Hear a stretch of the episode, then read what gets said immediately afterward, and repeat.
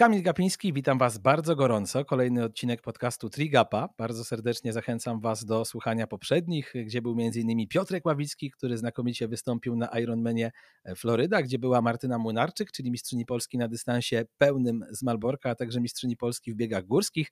Oczywiście też inni fajni goście. U mnie ostatnio szalony Maciek Napoleon Ogrodnik i jego dziwaczne przygody włącznie ze zdobywaniem Kilimandżaro jako nastolatek.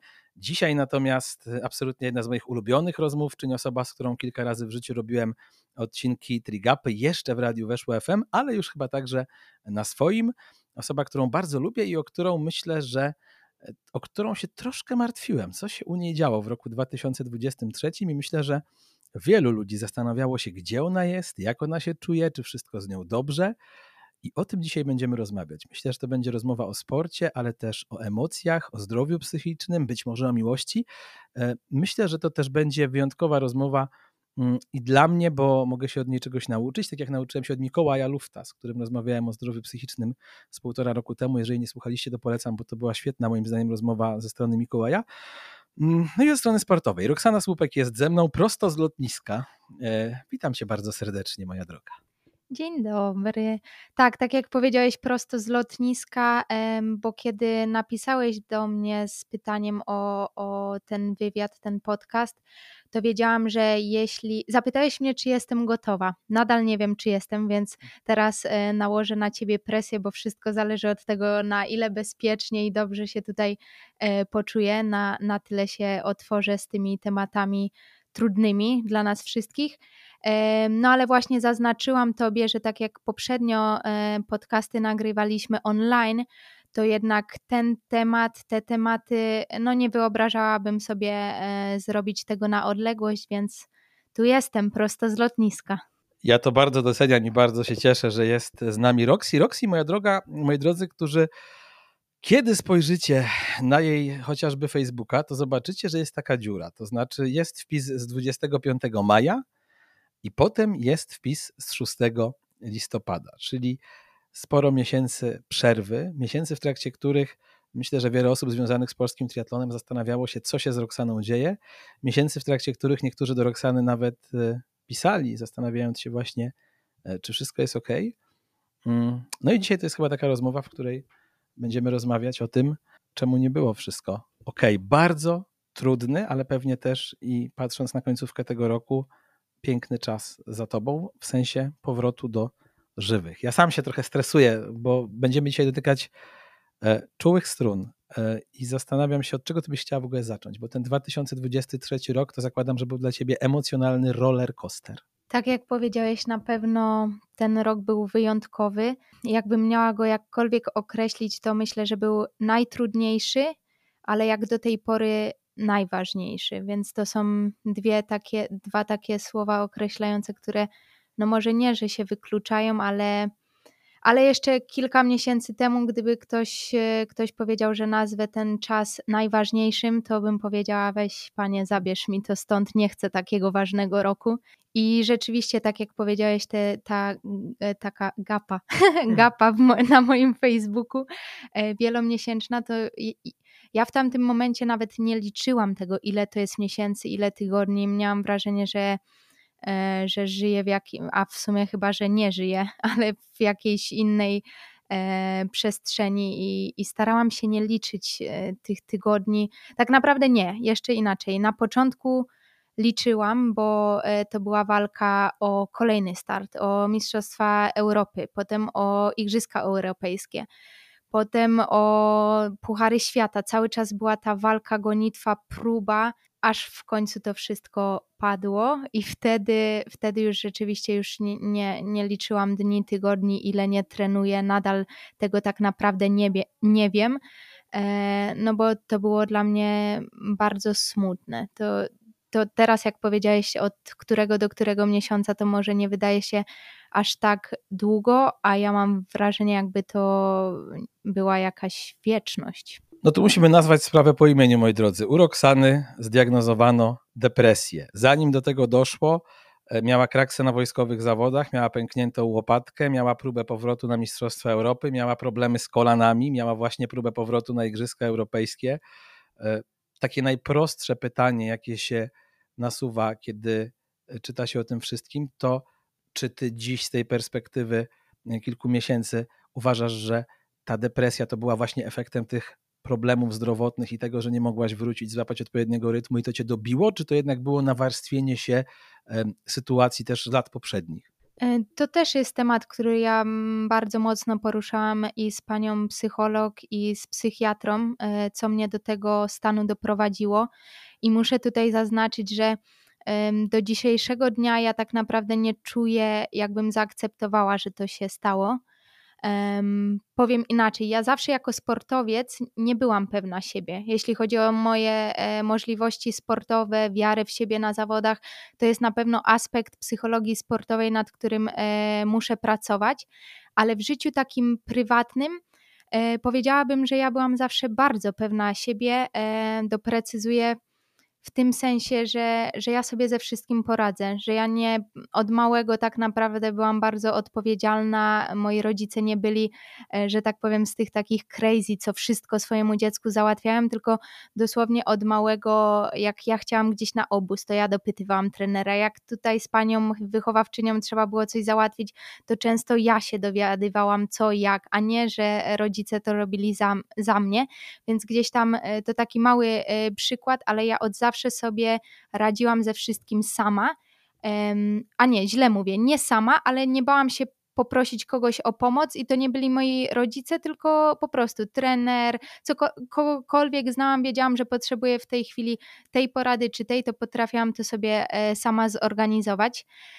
No i gdyby ktoś mi powiedział, że ja zachoruję na depresję, a mało tego, jak już dostałam na przykład, e, bo to był, nie będę tutaj mówiła żadnych imion, nazwisk, ale jeden tre trener, który mi zasugerował, że, e, no, że muszę iść do lekarza, no to rzeczywiście na początku było, a trenerze, trener mnie po prostu zobaczył w złej sytuacji, bo, bo akurat rzeczywiście przyłapał mnie na takim ataku paniki, gdzie najzwyczajniej ja nie potrafiłam sama y, zapanować nad sobą, nad swoim ciałem, więc gdzieś tam następ, w następnych dniach, kiedy o tym rozmawialiśmy, to ja mówię, nie no trenerze, no bez przesady, jest, jest dobrze, no po prostu no jest ciężko, wiadomo, mam kontuzję, starty, igrzyska, presja, no bardzo tego chcę, to jest normalna reakcja, no i że ja nie byłam przecież po raz pierwszy w takiej e, sytuacji, gdzie jest kontuzja, są problemy i ja wiem, jak to jest straszne, jak to boli, jak to jest ciężko.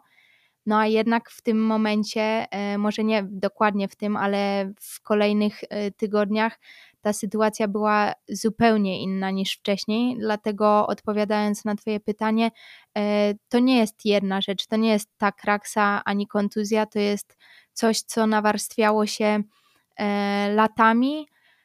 Podejrzewam teraz, jak jestem zgłębiona w te wszystkie tematy, że, że wyciągamy też dużo jakichś takich um, i traum, i zachowań, cech charakteru z naszego dzieciństwa, i gdzieś tam też. Ja jestem nadal w trakcie psychoterapii, więc nadal też e, odkrywam te rzeczy.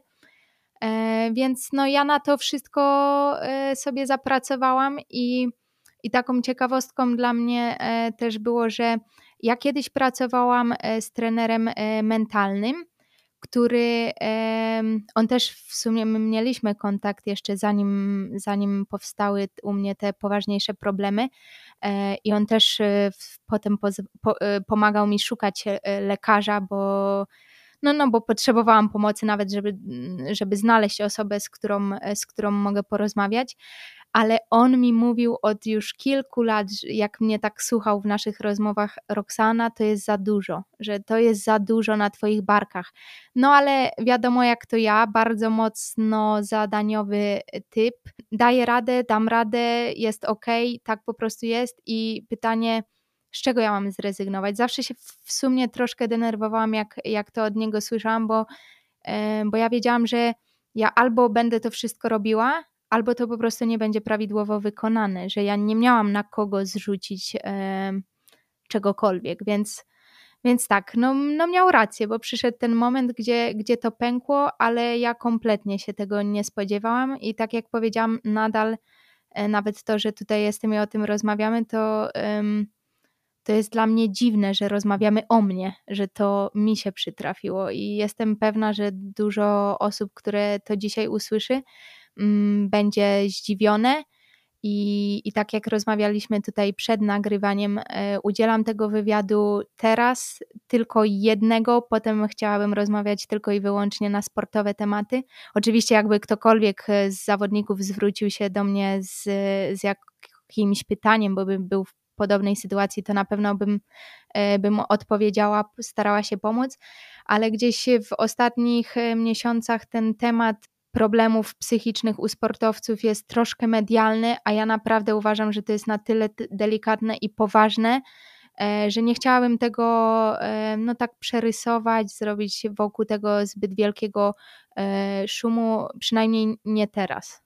Dużo pytań się nasuwa, więc pewnie po kolei będę je zadawał. Mamy na szczęście czas.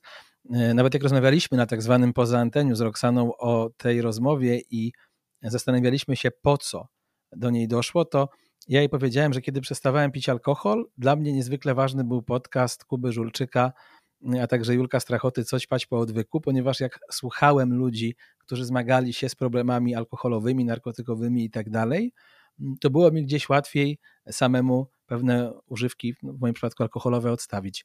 Mm, czyli jakby były to podcasty, które niosły nadzieję i myślę, że wlewały w serca wielu ludzi e, taką wiarę w to, że można z nałogu wyjść. Myślę, że taką rozmową była rozmowa z Bartkiem Nowickim kilka tygodni temu, który opowiadał tutaj o uzależnieniu od alkoholu, od narkotyków, od tego, że stracił pracę, że go kobieta wywaliła z domu i tak naprawdę no musiał swoje życie budować na nowo i myślę, że ty jako osoba bardzo wrażliwa i świadoma, to też y, rozmawiając ze mną, y, doceniasz te wartości społeczne, to znaczy, że taka rozmowa może po prostu komuś pomóc. Tak, zdecydowanie. E, tak jak powiedziałam, ja przed, przed decyzją o, o tej rozmowie skonsultowałam się też z moją panią psycholog.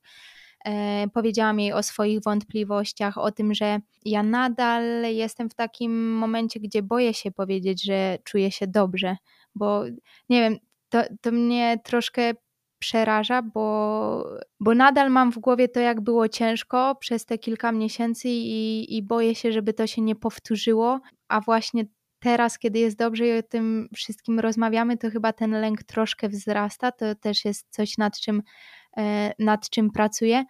Ale tak jak powiedziałeś, takie podcasty, dowiedzenie się, że ktoś przeżywał coś podobnie, to pomaga, bo ja pamiętam, kiedy, kiedy dostałam informację, że, że muszę wprowadzić leczenie farmakologiczne, to to był mega, mega cios. Ja tak naprawdę nie chciałam e, tego zrobić. Szukałam też takiego rozwiązania, że a, słyszałam, że tutaj e, można jakieś ziółka wziąć, żeby to było bardziej naturalne i takie rzeczy. E, ostatecznie no, zdecydowałam się wziąć, wziąć te tabletki, dlatego że zaraz po wizycie u psychiatry wieczorem pamiętam, znaczy wieczorem po południu um, dostałam takiego maila, który, no teraz na pewno inaczej bym zareagowała, ale takiego maila, um, który spowodował, że miałam kolejny taki spory atak paniki. Byłam wtedy na basenie, zamknęłam się w szatni, już przebrana w stroju, przeczytałam ten, tego maila i byłam tak zaryczana, tak nie mogłam się opanować. E, wysłałam tylko szybko screena do mojego chłopaka, on zadzwonił na, na FaceTime, nie mógł mnie uspokoić i tego samego dnia e, wieczorem, czyli po kilku godzinach, kiedy już ze mną było wszystko w porządku, a z nim e, rozmawiałam, to pierwszy raz usłyszałam, jak, jak on się troszkę no, rozpłakał, bo, bo było mu ciężko, że na odległość nie mógł mi pomóc.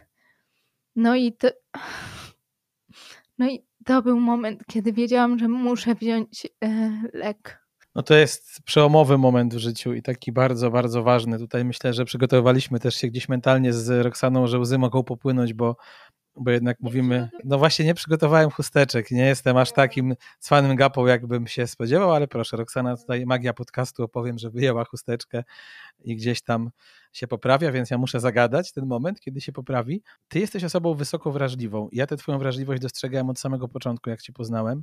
Ja nie mówię, że wrażliwi ludzie mają, e, są bardziej podatni na depresję, choć pewnie jakieś badania na ten temat są, ale wrażliwi ludzie wszystko przeżywają bardziej. Ja się nie zgadzam z taką tezą, bo bywali tacy mądrzy dziennikarze, w cudzysłowie mądrzy sportowi, którzy opowiadali, że Presję to ma górnik y, w kopalni, a co sportowiec może wiedzieć o presji? Uważam, że jest to jedno z najgłupszych zdań, jakie powiedziano w historii, bo górnik w kopalni ma presję i tak samo może mieć presję nauczyciel, który idzie do szkoły i uczy dzieciaki w podstawówce, które są rozwydrzone i ciężko je opanować i tak samo może mieć presję e, sportowiec. Ty tej presji miałaś dużo, mm, walka o igrzyska, bycie taką nadzieją polskiego triatlonu od iluś lat, bycie taką młodą, zdolną, dodatkowo bycie tą ładną, uśmiechniętą, grzeczną dziewczyną, która zawsze wszystkim e, ładnie odpowie, ukłoni się i powie dzień dobry.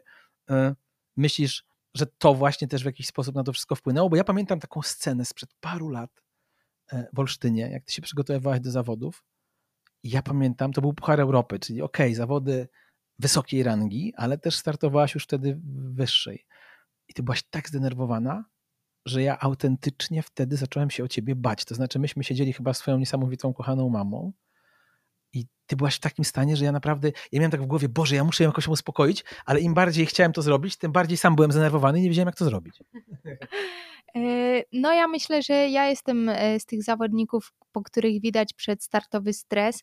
Czasami on jest większy, czasami e, mniejszy. No to wynika na pewno z tego, że mm, ja mam naprawdę bardzo dużo osób, które mi kibicują, e, bo mnie po prostu lubią, a tak jak powiedziałeś, jestem osobą wysoko wrażliwą, więc ja tak bardzo, bardzo chcę, żeby, e, żeby tym osobom przynieść trochę radości, żeby mogły się pocieszyć e, razem ze mną, ale też czasami myślę, że mój, y, to jak ja wyglądam przed startem jest trochę mylne, bo ja po prostu jestem bardzo skupiona. Ja wtedy, ja po starcie bardzo dużo rozmawiam z zawodnikami, śmieję się e, ze wszystkimi e, dookoła, ale przed startem jestem e, mocno skupiona, więc to nie zawsze jest taki mega, mega stres, tylko raczej mm, nazwijmy to właśnie takim profesjonalnym skupieniem i i koncentracją, no bo nie zapominajmy, że przed, przed triatlonem my mamy zawsze godziny na wstawianie roweru, zrobienie rozgrzewki. To jest, ja myślę, że jakkolwiek wcześniej bym tego nie zaczynała, zawsze to jest e, jakby minuta co do minuty, więc ja po prostu nie mogę się wtedy zatrzymywać i rozmawiać z kibicami, bo jestem skupiona na tym, e, na tym co mam zrobić, jestem w swojej rutynie. Pamiętam taką sytuację, słuchajcie, kiedyś w piłce ręcznej przed finałem Mistrzostw Polski, tą tak zwaną świętą wojną Płock kontra Kielce, jak żona bramkarza Artura Górala do niego podeszła i chciała mu dać buzi, to on był tak skupiony przed meczem o złoty medal, że nie za... myślał, że jakiś kibic ją odepchnął i ona się przewróciła. Po prostu taki był poziom e, koncentracji przed tym meczem. E, Roxana, w którym momencie ty sobie spojrzałaś w lustro i powiedziałaś, tak, mam problem i cierpię na depresję, bo e, jakby w leczeniu czy nałogów, czy problemów ze zdrowiem psychicznym, wydaje mi się, że ważnym momentem jest to, kiedy chory przyzna się, że ma problem, bo jest ten moment właśnie wyparcia. Tak jak mówiłaś, że jakiś trener, któryś z trenerów mówił, że coś jest może nie tak, ty mówiłaś, to gorszy dzień i tak dalej.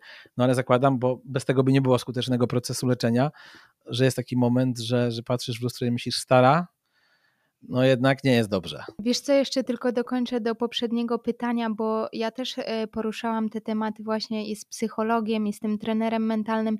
To jest fakt, że nie chcę nikogo obrazić, ale głupi ludzie albo tacy niewrażliwi, niedobrzy, oni na depresję nie zachorują czy na inne e, rzeczy. Wiesz, to, to nigdy nie trafia na osoby jakieś nieinteligentne emocjonalnie, czy no mam nadzieję, że się rozumiem e, o co chodzi. To zawsze trafia na osoby właśnie takie bardziej wrażliwe, więcej myślące, przejmujące się, więc więc pod tym względem myślę, że, że miałam jakieś cechy, które, e, które sprawiły, że byłam bardziej podatna właśnie na tą, e, na tą chorobę i, tak. Dodam jeszcze jedną rzecz, która mi się przypomniała. Tak, zgłosiłem się, podniosłem rękę, jako że mam jeden mikrofon, więc musimy się nim sprawiedliwie dzielić. Często jest też tak, że ci ludzie, którzy są roześmiani, uśmiechnięci, zadowoleni na co dzień, mogą być bardzo smutni w środku. Robin Williams, czyli znakomity przed laty komik, fantastyczny aktor, popełnił samobójstwo, a wszyscy, cały świat kojarzył go z tym uśmiechniętym, fajnym gościem, który wychodzi i robi stand-up albo gra w komediach i, i ma niesamowite poczucie humoru. Mm, wydaje mi się, że tak to właśnie troszkę jest, że ci ludzie bardzo wrażliwi często mogą się chować za jakimiś maskami i po prostu tego ich wewnętrznego smutku może nie być widać. Wiesz co, ja myślę, że y, na pewno masz rację, ale ja jestem bardzo, bardzo szczerą osobą i moje social media myślę, że zawsze wyglądają bardzo szczerze, stąd też ten brak postów, bo nawet się cieszyłam, że mm, wtedy zakończyła ze mną współpracę pewna firma, gdzie gdzieś tam miałam ustalone ustalone, że coś muszę opublikować, bo ja w momencie takim, jak wtedy byłam, to nie potrafiłabym oszukiwać, że tak powiem, i czegoś tam na siłę dodawać, ale rzeczywiście tak jest, że powiedziałabym, maski zakładałam wtedy, jak już byłam chora, a mimo wszystko miałam w sobie nadal taką jakąś odpowiedzialność. Właśnie to jest ciekawe. To, co mnie myślę, że doprowadziło do takiego stanu, to też mnie wyciągnęło, bo teraz będę mówiła o tym najgorszym momencie, bo wiadomo, że to jest choroba, która postępuje i e, no i ma różne etapy. W tym najgorszym e, momencie ja wiedziałam, że znaczy nie wiedziałam, ja nie chciałam już nic robić, nie chciałam, ja, wtedy to były też problemy z kolanami, po tej kraksie łopatka i plus problemy e, psychiczne, o który, które wtedy jeszcze nie były zdiagnozowane. Ja po prostu nie miałam siły. Jedyne co chciałam to, to być w domu. Spałam bardzo dużo, jadłam bardzo dużo, potem czasami nie jadłam w ogóle. No były, działy się ze mną przeróżne dziwne rzeczy. Wiecie, to był taki moment, kiedy ciężko jest o siebie zawalczyć. Przerażający moment. Ja nigdy nie byłam, nigdy się w taki sposób nie czułam i też wtedy, może nie wtedy, ale później sobie myślałam o moim przyjacielu, dobrym przyjacielu, który borykał się z podobnymi problemami, że ja go wtedy wspierałam i mówiłam takie rzeczy, o których za grosz nie miałam pojęcia, jak on się czuje, że te wspieranie to, no to jest miłe, zawsze lepiej czuć, że ktoś mm, chce cię wesprzeć, że ktoś jest blisko, ale żeby pocieszyć osobę w takim stanie, mm, pocieszyć, pomóc, to jest po prostu potrzebny tylko specjalista. Ale mówię o tej odpowiedzialności takiej wewnętrznej, którą miałam zawsze w sobie, bo to ona zmusiła mnie, żeby iść do lekarza, iść do psychiatry, żeby wiecie, to znowu było tak, to, to nie mama mnie zapisywała do lekarza, wiesz, to, to ja znowu byłam tak jak mm, taka cecha, którą też mnie mój y, trener z Portugalii uczył w sporcie, ale w życiu ją miałam od zawsze bardzo mocna, mocną, to be in charge, że to, że to ja jestem odpowiedzialna, co się y, ze mną dzieje i, i co się będzie działo.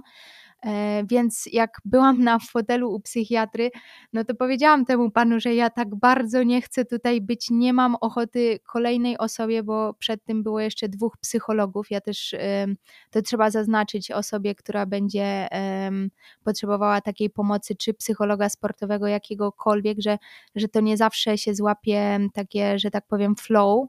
I, I trzeba poszukać dalej. I ja właśnie tak miałam, że z pierwszą panią psycholog nie do końca, nie do końca potrafiłam się przed nią otworzyć i powiedzieć, e, co się dzieje. No i wyobraźcie sobie, że jesteście w takim momencie, że nie chcecie rozmawiać z osobami, które kochacie, a musicie wyjść z domu i iść gdzieś, umówić się na wizytę, zapłacić za to, żeby powiedzieć o rzeczach, o których nie chcecie rozmawiać. No a ja to miałam to, że ja muszę coś zrobić, że ja nie mogę w tym trwać, mimo że wtedy, tak jak się będę powtarzała, że nie chciałam nigdzie wychodzić.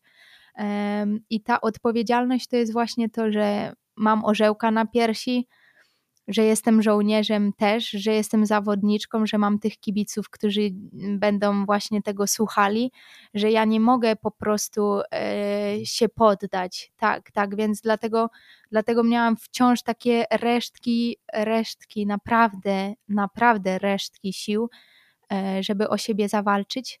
I stąd ten mój wniosek, że to samo, co gdzieś tam mnie wpędziło w tą depresję, bo myślę, że, e, że właśnie mój charakter, to, że ja nigdy nie chcę nikogo zawieść, e, to, że zawsze muszę zrobić wszystko na 100%, że, że właśnie, że poprzeczkę sobie zawieszam tak wysoko, że nie chcę sobie pozwolić na błędy, to mnie do tego doprowadziło, no ale też z tego wyciągnęło. A czy nauczyłaś się dawać sobie takie przyzwolenie na bycie niedoskonałą? Bo ja chodząc na terapię, co prawda nie miałem e, depresji na szczęście, ale przez no, od paru ładnych lat chodzę i jako osoba będąca trochę freak kontrolem i takim perfekcjonistą, zawsze miałem taki problem, że jak muszę oddać tekst, to musi być najlepszy tekst, jaki w ogóle mogę napisać. Jak czułem, że tam się jeden przecinek nie zgadza, to ja dwa dni potrafiłem chodzić wkurzony albo wiesz, poprawiać, poprawiać, poprawiać do ustranej śmierci. Ten tekst by się nigdy nie, nie, nie, nie, nie pokazał.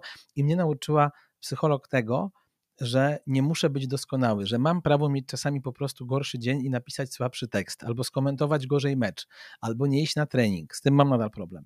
Natomiast, e, bo w ogóle nie trenuję, ale zmierzam do tego, że wiesz, że bardzo długo mi czasu zajęło, żeby to zrozumieć i żeby dać sobie to prawo do niebycia doskonałym też się tego właśnie nauczyłaś na terapii? Mówię pod kątem sportu, pod kątem życia, pod kątem organizacji, że możesz mieć po prostu gorszy dzień i może ci się nie chcieć? Widzisz, powiedziałeś, że poszedłeś na e, terapię, bo chciałeś, nie z powodu depresji. I tu mi się nasuwa od razu to, o czym mówiłam przed chwilą, ta moja odpowiedzialność i taka racjonalność, bo. E, mnie nikt na terapię nie wysłał. Jak ja dostałam diagnozę, że mam depresję i że potrzebuję jakiejkolwiek farmakologii, to ja powiedziałam, że jeśli, jeśli, bo wtedy było, zakładałam oczywiście, że nie, nie, nie jest tak źle, ja nie muszę nic, nic brać, e, to, że jeśli ja jakikolwiek lek przyjmę, że na pewno to, to nie jest koniec mojego leczenia. I powiedział, pamiętam, że wtedy rozmawiałam z tą panią i powiedziałam, proszę pani, bo jest takie popularne teraz chodzenie na terapię, czy ja wtedy też muszę na to iść, bo ja nie chcę, żeby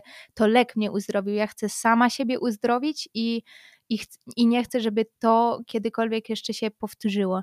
Więc y, to, co przed chwilą powiedziałeś, to jakby mi przypomniało, że, że widzisz, ta moja cecha osobowości jest na tyle silna, że nawet w takim wielkim kryzysie ja wciąż myślałam, jak coś zrobić perfekcyjnie. Nie tylko, żeby być zdrowa, tylko jeszcze, żeby zapobiec i żeby zrobić to maksymalnie e, profesjonalnie.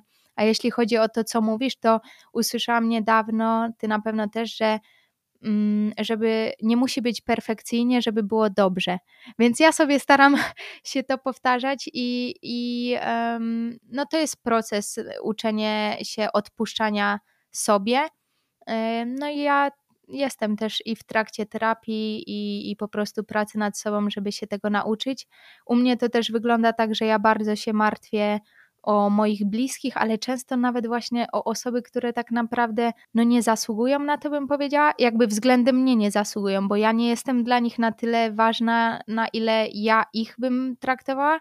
I pamiętam, że y, to było, y, była przypadkowa rozmowa z moim trenerem, ale pasuje do tego, bo rozmawialiśmy o potencjalnym nowym zawodniku z Polski, e, podał jedno e, nazwisko, ja mówię, nie, nie, nie on, ale ten to jest taki świr triatlonowy, że jest zakręcony na maksa, że aż się o niego boję.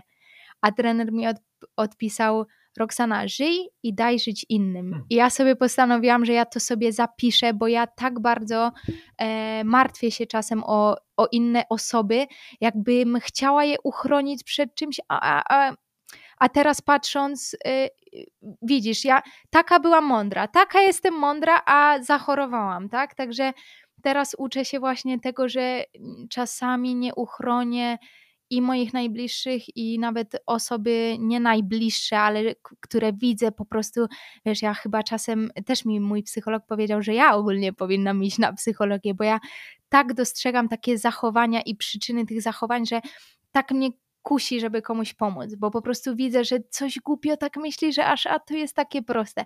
Więc to jest moje wyzwanie teraz, żeby tego się nauczyć, żeby odpuszczać sobie, ale też innym, żeby tak jak mi powiedział trener Roxana, żyj i mm. dać, daj żyj, żyć innym. To bardzo ładne słowa. Ile czasu trwał ten największy kryzys? Ten kryzys, podczas którego ciężko było, nie wiem, wstać z łóżka o treningach nie wspominając? I jak na to reagowali ludzie, ze świata sportu, to znaczy, czy ty miałaś support pośród swoich dobrych koleżanek czy przyjaciółek triatlonowych, e, czy też e, gdzieś tam władz, czy, czy bali się o ciebie, troszczyli się o ciebie, czy dali ci po prostu wytchnienie, żebyś sama doszła e, do siebie, czy spotkałaś się ze zrozumieniem, czy raczej, czy raczej niekoniecznie? Oczywiście nie na wszystkie te pytania musisz odpowiadać, bo może nie chcesz, ale, ale ciekaw jestem, jak to właśnie wewnątrz wyglądało w tym najgorszym momencie dla ciebie. Wiesz, o, o najgorszym, o niektórych rzeczach na pewno nigdy nie powiem na głos e, z tego względu, że będzie tego słuchała moja mama, nie? Mhm. A, a to są, e, nie wiem, no nie chciałabym, e, mimo że wiadomo, moja mama była bardzo, bardzo bliska przez ten czas, ale tak jak dało się wytłumaczyć i w sumie mówiąc to na głos sama widzę te rzeczy, że ja bardzo chronię moich bliskich i tak jak gdzieś byłam na obozie w Fontrome i, i wtedy to był początek tego bardzo ciężkiego, trudnego stanu, gdzie właśnie zaraz do tego przejdę. Koleżanki z drużyny też mnie gdzieś tam przyłapały w trudnych y, sytuacjach. To wtedy gdzieś przez telefon, jak było mi bardzo ciężko, potrafiłam mm, przed mamą się wypłakać, wpaść, wiesz, w taki płacz, że się aż zanosisz, że nie możesz oddychać. A tak szybko, jak postawiłam nogę w Polsce, tak w domu byłam bardzo taką zimną osobą. Nie chciałam, e, nie chciałam się, roz, nie, nie rozpłakałabym się, nie pokazałabym bardzo, bardzo jak jest e, źle. Oczywiście ja wtedy nie miałam, broń Boże, siły się uśmiechać i udawać, że jest dobrze, ale no mama czy tata tata e, jeszcze bardziej, no to nie były osoby, które by widziały właśnie mnie w takim kryzysie, jak, jak widział to mój chłopak, e, trener czy, czy dziewczyny na treningu. Znaczy, tak, no. E, jeśli chodzi o moje koleżanki z drużyny, tam w Fontrome miałam bardzo duże wsparcie, bo właśnie też e, po treningu jednej z prób powrotu do treningu, wtedy się przygotowałam do startu w Pucharze Świata w Korei. No złapał mnie znowu taki, nie wiem jak to nazywać, taki kryzys. No i dziewczyny minęły mnie w korytarzu, bo ja nie mieszkałam z nimi w ośrodku e, i wiedziały, jak jest źle. Dowiedziałam się też e, o tym, że, że też przechodziły przez trudne momenty. E, może to nie była depresja, ale ale też moja przyjaciółka, jedna Hiszpanka, powiedziała: Pamiętasz, jak dwa lata temu wyjechałam tam na dwa miesiące i ci nie odpisywałam, nie odpowiadałam? Też wtedy byłam u psychologa, też pracowała wtedy z kimś, też potrzebowała e, czasu dla siebie. Więc tak, miałam wsparcie. Pamiętam, że wtedy ja doszło do tego, że ja już nie mogłam nic kompletnie e, robić e, z treningu, e, a, a moje dziewczyny trenowały. I pamiętam, jak moja przyjaciółka właśnie z drużyny powiedziała: Siedź u mnie w pokoju pokoju, w tym ośrodku taki mały pokoiczek, naprawdę metr na metr chyba i jak nie, się, jak nie będziecie tam jak wrócę, to ja po ciebie przyjadę.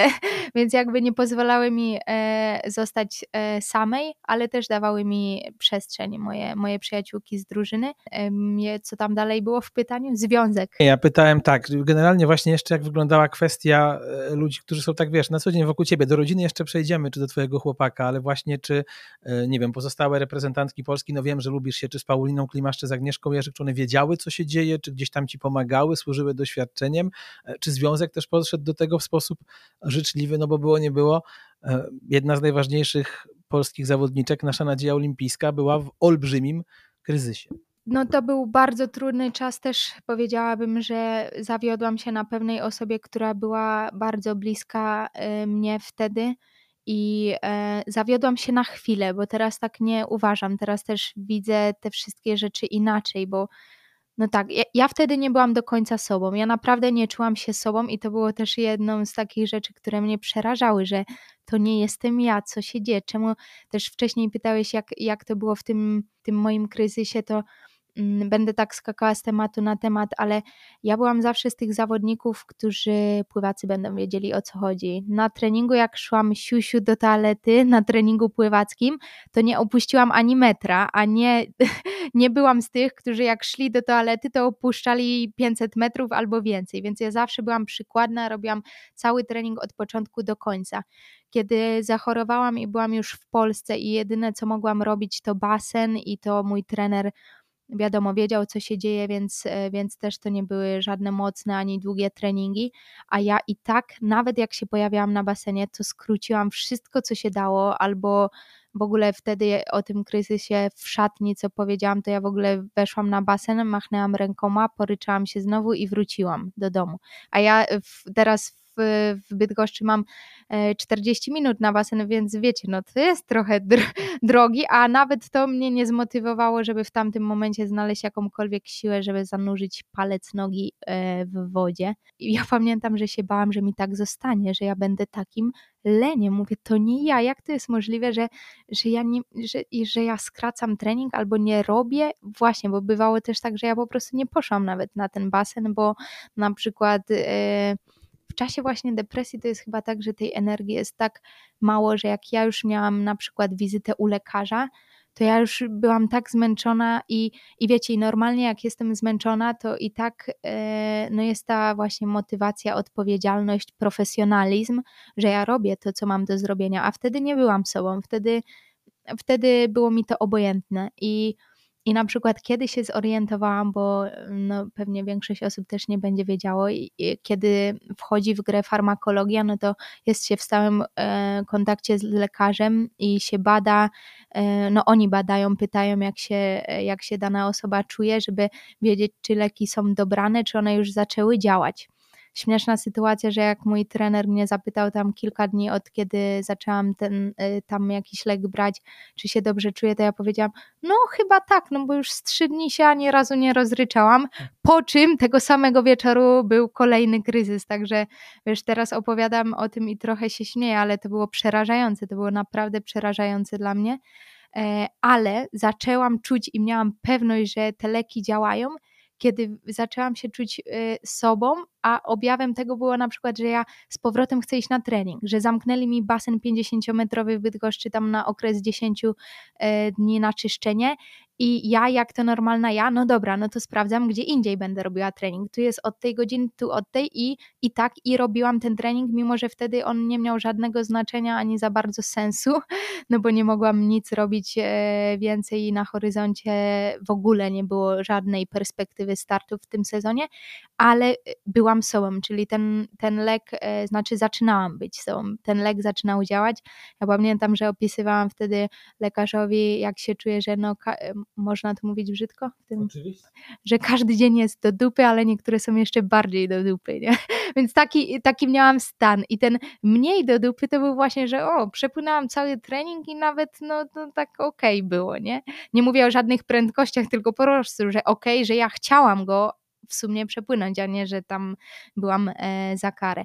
Ale mm, były takie te sytuacje, które mnie przerażały, to na przykład to, że byłam w Bydgoszczy i ja od kilku lat żyję na walizkach i bardzo tęsknię za moimi przyjaciółmi e, bliskimi i dałabym wszystko, żeby gdzieś tam ich teleportować do mnie czasem, a wtedy byłam przez bardzo, bardzo długi czas w Polsce i pamiętam, że kiedy zobaczyłam moją przyjaciółkę Kamilę Stępniak na basenie, no to się schowałam bo nie chciałam rozmawiać. Potem zobaczyłam moją najlepszą przyjaciółkę e, ze szkoły podstawowej, z liceum w kościele.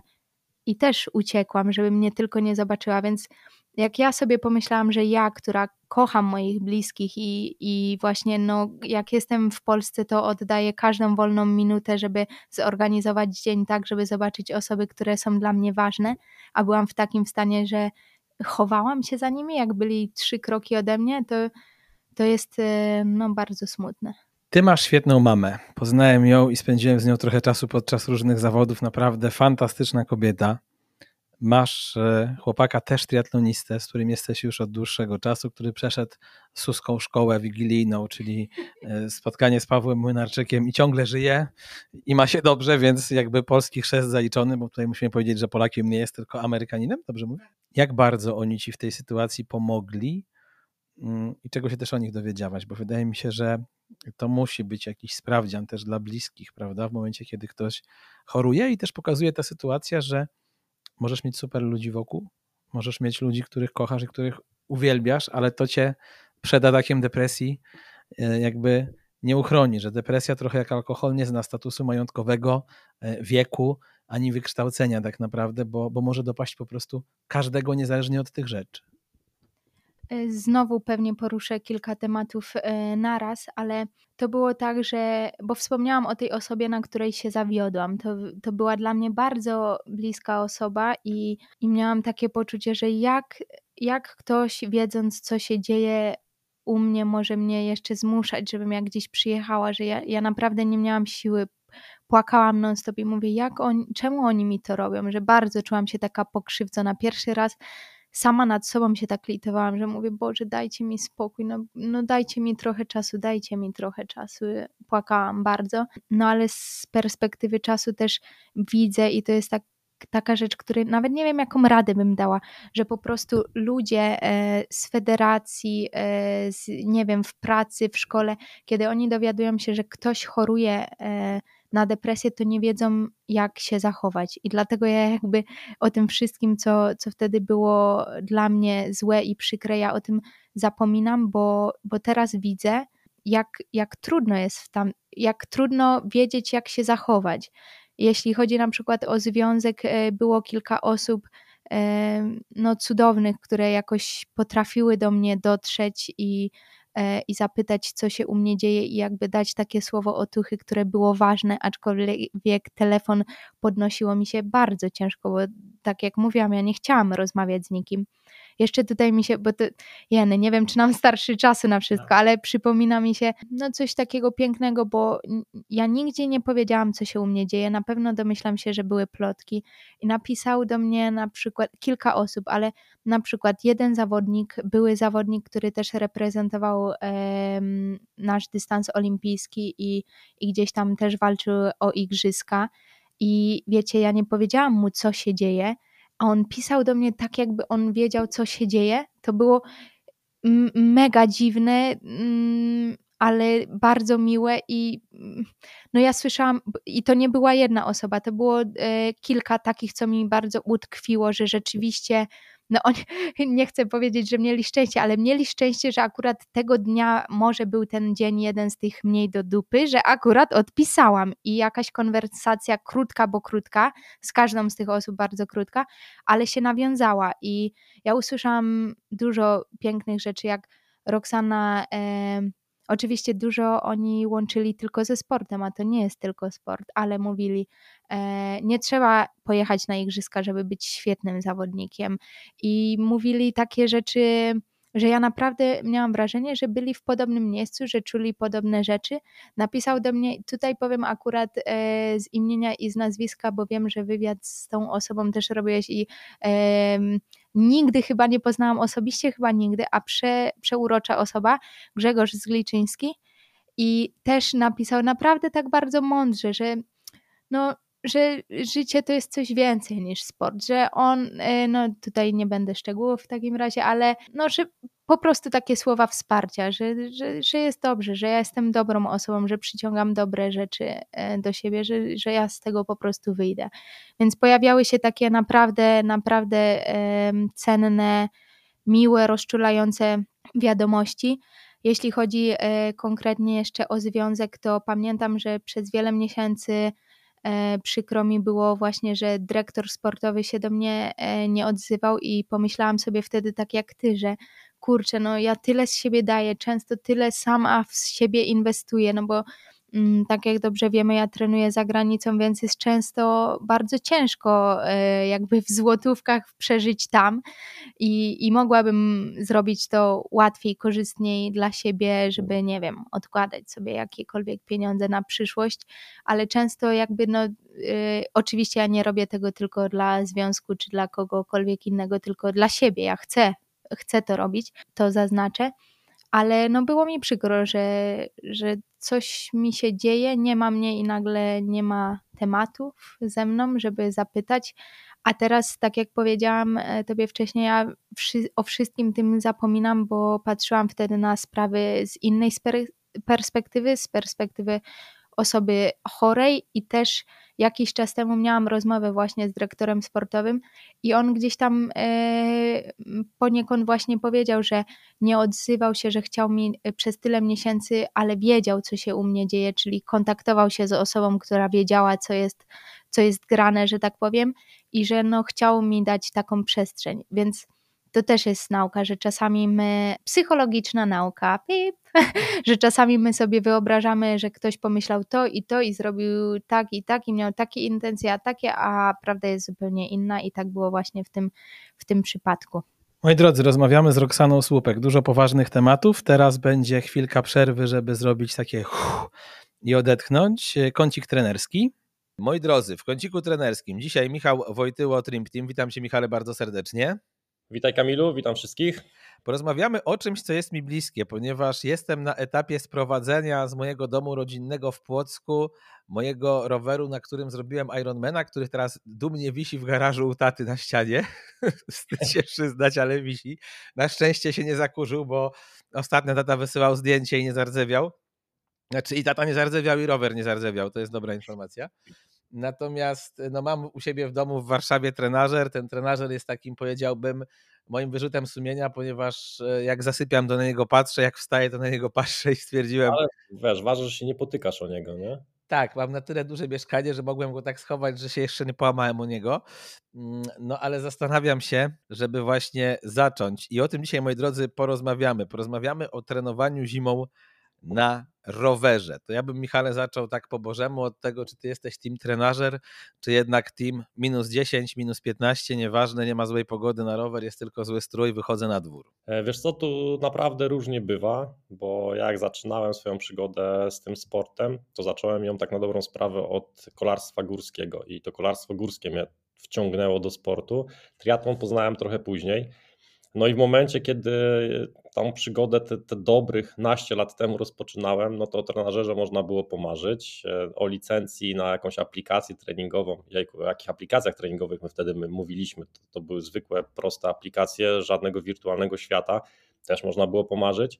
Nawet jak one się rozpoczęły i, i, i rozpoczął się ten boom na Zwifta, no to one kosztowały no, niebagatelnie dużo pieniędzy wtedy dla mnie więc też e, byłem wtedy w tej opcji minus 10 stopni, nie ma, nie ma złego stroju, e, nie ma złej pogody, jest tylko zły strój. E, no i na przykład cały czas, całą zimę, niezależnie od tego, czy było minus 10, minus 15, trenowałem na zewnątrz. No teraz jestem, można powiedzieć, takim trochę, trochę mieszańcem, stoję w rozkroku między tym trenażerem i trenowaniem na zewnątrz. Ja pytam o to dlatego, bo zauważyłem podczas swoich rozmów triatlonowych, że trenażer bardzo mocno polaryzuje ludzi. To znaczy, albo są ludzie, którzy go lubią i im zupełnie nie przeszkadza, albo są ludzie, którzy go nienawidzą e, i po prostu mówią, że choćby skały srały, mówiąc brutalnie, to oni na trenażer nie wejdą. Raczej rzadko kiedy jest tak, że e, ktoś jest pomiędzy. Wiesz co, bardzo często chyba ta grupa, która nienawidzi trenażera, e, tak na dobrą sprawę nigdy nie miała okazji jechać w fajnie setapowanym środowisku trenażerowym, bo żeby ten trenażer sprawiał ci przyjemność, no to jednak musisz wokół siebie wszystko też do, do, niego dostosować, czyli odpowiednie pomieszczenie, miłe dla ciebie, no bo spędzasz tam dużo czasu, e, odpowiednie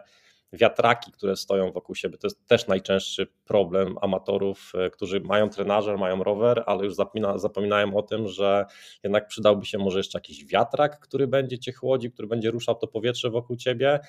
E, I, I też przez to umierają na tym trenażerze. E, warto mieć dobry podes, stolik, na którym położymy komputer, który nam nie przeszkadza, który nie zasłania tego wiatru, który na ciebie wieje, więc sam trenażer to jest e, tylko taki początek przygotowania tej przygody e, kolarskiej na, na trenażerze. Moim zdaniem, jeśli naprawdę mamy ten dobrze setapowane środowisko, to trenażer potrafi sprawiać przyjemność. Aż wiem, że to brzmi dość dziwnie, e, no ale taki czas spędzony na trenażerze wcale nie jest taki, taki straszny.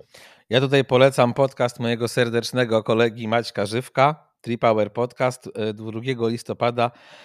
E, Maciek o trenażerach właśnie opowiadał w podcaście, a on się na nich zna jak mało kto. Natomiast ostatnio opowiadał o Zwiftowym ściganiu z Pawłem Janiakiem. To też polecam, ale też do tego Swifta bym nawiązał, bo wydaje mi się, Michał, że to jest coś takiego, co po pozwala ludziom przetrwać zimę i ten zmysł bycia częścią jakiejś społeczności, ewentualnie rywalizacji w wyścigach i to często z wyścigach nie z jakimiś super zawodowcami, bo to nie jest tak, że na każdym Zwiftowym wyścigu ścigasz się z profesjonalnym kolarzem czy triatlonistą, po prostu daje ci energię. Ja akurat nie miałem okazji, co jest dosyć zabawne, jako że przez parę lat jeździłem jednak na trenażerze ze Zwifta kojarzyć, yy, korzystać, ale to bardziej wynika z tego, że to było 5, 6, 7 lat temu.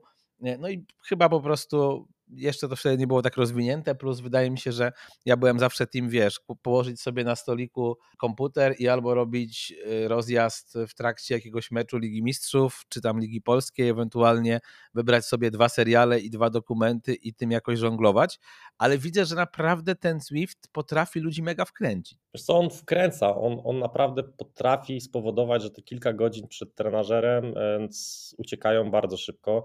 Dodatkowo te wszystkie parametry, które widzisz na dużym ekranie i, i, możesz je kontrolować na bieżąco, pozwalają ci jakby w lepszy sposób e, zrealizować ten trening. No ale jest to też takie trochę przekleństwo dla trenerów, e, bo dużo osób jakby przedkłada właśnie rywalizację na takich e, zawodach Zwiftowych ponad realizację treningu, która jest badana. I to naprawdę w wielu przypadkach potrafi dość porządnie rozwalić taki tydzień treningowy, a szczególnie jeśli ktoś się w to, to mocno wkręci.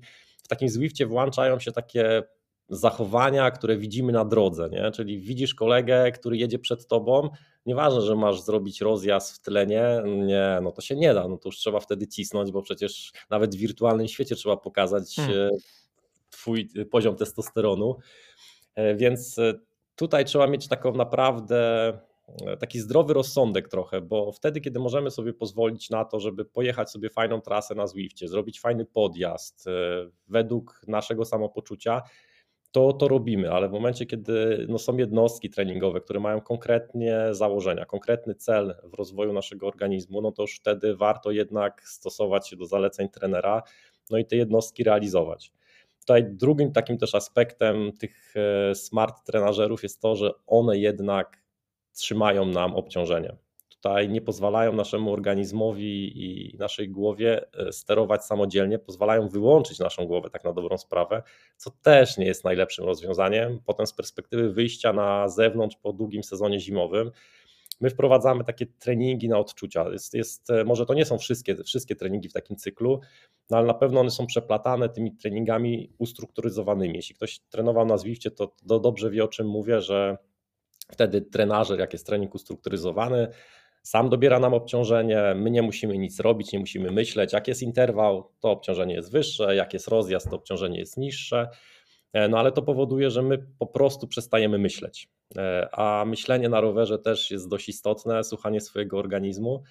Więc od czasu do czasu my wrzucamy takie jednostki na, na odczucia. No ale tak jak wspomniałeś, no jednak przejechanie sobie e, takiej traski, na, na długim rozjeździe, zrobienie tlenu bez treningu, no też jest czymś naprawdę fajnym i motywującym. No i wtedy można sobie pojechać ze znajomymi można się spotkać, to, to jakby te aplikacje umożliwiają stworzenie sobie takiego własnego eventu, na którym się spotykamy. Bardzo dużo grup e, takie rzeczy robi, my również, że spotykamy się raz w tygodniu na wspólnej trasie, gdzie możemy sobie razem porozmawiać, poruszyć różnego rodzaju sportowe i niesportowe tematy, bo właśnie to jest fajny moment na to. No tego na zewnątrz byśmy na pewno nie zrobili szczególnie jak chcemy potrenować o 19. No tak, to zdecydowanie. Ja tak słucham tego, co mówisz i myślę sobie, oczywiście trochę przekornie, że lepiej, żeby taki zawodnik X zrobił trening na Zwifcie i nawet nieco przesadził, chociaż oczywiście z punktu widzenia trenera to nie jest idealna opcja, niż na przykład uznał, że nie chce mu się wyjść na dwór, bo jest po prostu minus 10, jest za zimno i w ogóle nie zrobi tego e, treningu. No rozumiem, że się włącza ten zmysł rywalizacji, no ale triatloniści to już są takie sportowe zwierzęta, którym często go po prostu ciężko e, wyłączyć i nawet jak potem ma za to zapłacić, to nie może się powstrzymać. Nie, no wiadomo, jak masz, masz zro nie zrobić czegoś wcale, a zrobić to nawet tro trochę gorzej, no to już lepiej zrobić to trochę gorzej. E, no też jakby ten, ten trenażer umożliwia realizację jednostek, których po prostu przy minus 10 stopniach byś na zewnątrz, nie, na zewnątrz nie zrobił, bo albo byś wrócił chory do domu momentalnie, e, przewiany, wymarznięty, E, albo warunki by na to nie pozwoliły, więc e, tutaj nie można powiedzieć, że to jest złe narzędzie, nie można powiedzieć, że to jest idealne narzędzie. Ono, ono po prostu się fajnie wkomponowuje w ten nasz sezon zimowy, w ten nasz klimat, gdzie my non-stop nie jesteśmy w stanie jeździć na zewnątrz. Pewnie gdybym mieszkał w kraju, gdzie mam 24 stopnie, 356 dni w roku, no to wtedy ten trenażer chyba leżałby w piwnicy albo na strychu, albo w ogóle bym go nie miał. Wiesz, no, ale to też pewnie zależy dużo, to też pewnie dużo zależy od Twoich doświadczeń, no bo Lionel Sanders jest dowodem na to, że można mieszkać w fajnym miejscu, a i tak zasuwać na trenażerze, bo walną cię na przykład kilka razy samochód i niekoniecznie chcesz ryzykować e, życie. No, to też są tacy ludzie, którzy całym rokiem jeżdżą na trenażerze, bo się po prostu boją kierowców, ewentualnie wsiadają raz na jakiś czas, żeby zachować to czucie zakrętów czy zjazdów. I też takich ludzi, jako osoba, która sama zaliczyła wypadek, rozumiem. No, że... Ja też, też rozumiem, wiesz, Kamilu, osoby, które mieszkają w centrum miasta, jak mają się przez dwie godziny wyrywać z no miasta, no żeby jechać godzinę na trening, no to jak najbardziej trenażer jest idealnym rozwiązaniem. Tutaj, tutaj nie ma po prostu lepszego, lepszej rzeczy, żeby zrealizować godzinny trening, nie mając możliwości wyjść sobie na zewnątrz na rower, więc tutaj jak najbardziej. Wtedy tylko trenażer, nawet, nawet w środku lata. Czy my nie jesteśmy za bardzo od tych wszystkich właśnie cyferek, o których mówiłeś, uzależnieni? Bo ja wiem, że to z jednej strony są fajne bariery. Jedziesz na tym Zwifcie i widzisz właściwie wszystko. Czy jedziesz na dworze i widzisz właściwie wszystko, jeżeli masz odpowiedni sprzęt.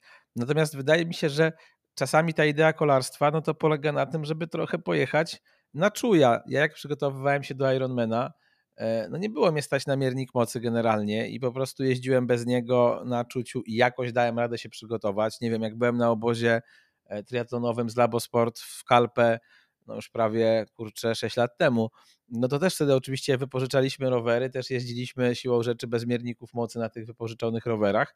E, no i da się po prostu przygotować, nie zawsze notując w głowie każdą sekundę treningu. No to jest właśnie to, co na początku wspomniałem, ta, to nieszczęście trochę też trenażerów, że non-stop jedziesz na parametrach, non-stop e, wszystko widzisz e, i brakuje ci takiego e, odczucia własnego organizmu, tej świadomości organizmu, na co ci jeszcze stać w danym momencie. Sam byłem, jestem jakby przykładem tego, że chyba w początkowym etapie części kolarskiej Ironmana e, nagle wyłączyło mi się wszystko, słuchaj. To straciłem kontakt z bazą, można powiedzieć. Pomiar mocy, e, pasek tętna, zegarek zaczął świrować, e, komputerka nie byłem w stanie wtedy już poprzełączać. Szczęście w nieszczęściu. Miałem świadomość, znam, znam swój organizm na tyle, że tak na dobrą sprawę potem mogłem Ci powiedzieć, na jakich watach przyjechałem tego Ironmana schodząc z trasy, e, nie patrząc na, na komputerek. No ale mam też osoby, które prowadziłem, które w takich przypadkach po prostu panikowały. Mm, one nagle albo przepalały, albo totalnie zwalniały, bo bały się tego, że przepalą. No i ten brak takiej świadomości organizmu właśnie wychodzi w takich momentach, że ten człowiek uzależniony od cyferek e, żyje tymi cyferkami, a, a to są tylko cyferki tak na dobrą sprawę, nie? więc e, tutaj, tutaj na pewno ja zawsze zalecam, żeby spróbować czasami wyłączyć komputerek, wyłączyć zegarek, pojechać z przyjemnością, zobaczyć, co się, co się wydarzy, poznać swój organizm. To jest takie, taka, wydaje mi się, rzecz, o której dużo osób teraz w dobie tych właśnie wszystkich gadżetów e, bardzo zapomina. No właśnie, to są istotne kwestie. Czy o czymś jeszcze w kontekście roweru powinniśmy przez te zimowe miesiące pamiętać? Coś takiego, co wiesz z tego twojego wieloletniego doświadczenia trenerskiego, e, gdzieś tam ci każe powiedzieć zawodnikowi na początku zimy, czyli pewnie parę tygodni temu już nie zrób tego lub zrób to lub zwróć uwagę na to? Znaczy naj, największą, największym błędem wielu osób, które wsiadają na, na rowery, to jest za, zaczynanie za mocno bo rower jest tą fajną rzeczą. No, pływania nikt nie lubi w triatlonie. No, no, może odsetek osób lubi pływanie. Bieganie e, większość osób realizuje jednak na zewnątrz. Jest zimno, nieprzyjemnie, no to, to bieganie też schodzi na taki drugi plan. A rower no to jest coś takiego fajnego. Nie? No możesz nadrobić sobie podcasty, możesz nadrobić sobie filmy, możesz pojeździć na Zwiftie ze znajomymi. E, więc tutaj dużo osób tą skumulowaną energię spływania i zbiegania e, przenosi na rower i po prostu zaczyna za mocno, nie, nie budując tej bazy, a to właśnie to jest takie klucz tego jesienno, jesienno-zimowego okresu, czyli budowanie bazy, budowanie tlenu, nie przepalanie tego. Wiadomo, że są jednostki w ciągu tygodnia, gdzie troszeczkę musimy dopalić tą nogę, musimy ją zmęczyć, no ale większość jednak jednostek powinna w tym okresie być realizowana w takim komforcie psychicznym i fizycznym, e, nie obciążając naszego organizmu zbytecznie. Więc tutaj jednak zalecałbym dużo, ale wolno. I to będzie dobra puenta naszej dzisiejszej rozmowy. Michał Wojtyło, Trim Team. Dziękuję Ci, Michale, bardzo serdecznie. Dziękuję bardzo. Do usłyszenia.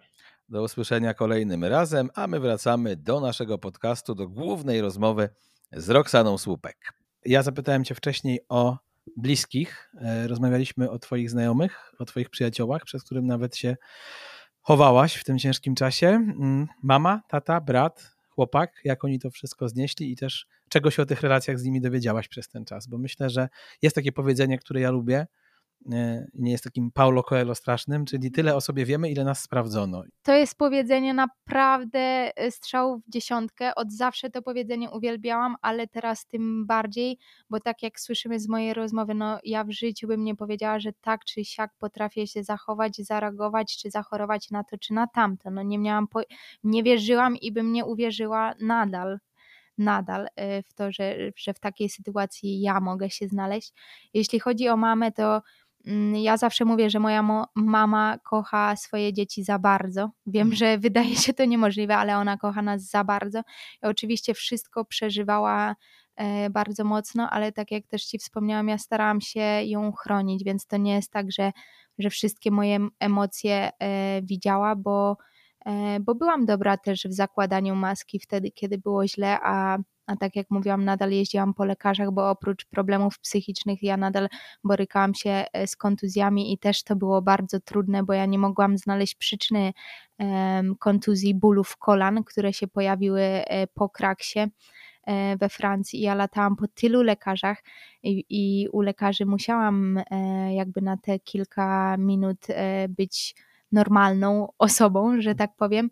I to było bardzo trudne. Pamiętam, że jak doleciałam z Fontrome do Krakowa i tam byłam w klinice u pierwszych, e, u pierwszych lekarzy, Oczywiście oni nie, ja wtedy nawet nie wiedziałam, że mam depresję i ten lekarz tak mnie zdiagnozował i takim tonem do mnie mówił, że ja patrzyłam tylko w sufit, starałam się oddychać tak głęboko nosem, bo ja już wiedziałam, że tam się poryczę. Zaraz potem miałam konsultację z moim trenerem przygotowania motorycznego e, i jego bratem. Bardzo pozdrawiam i polecam, mogę zareklamować.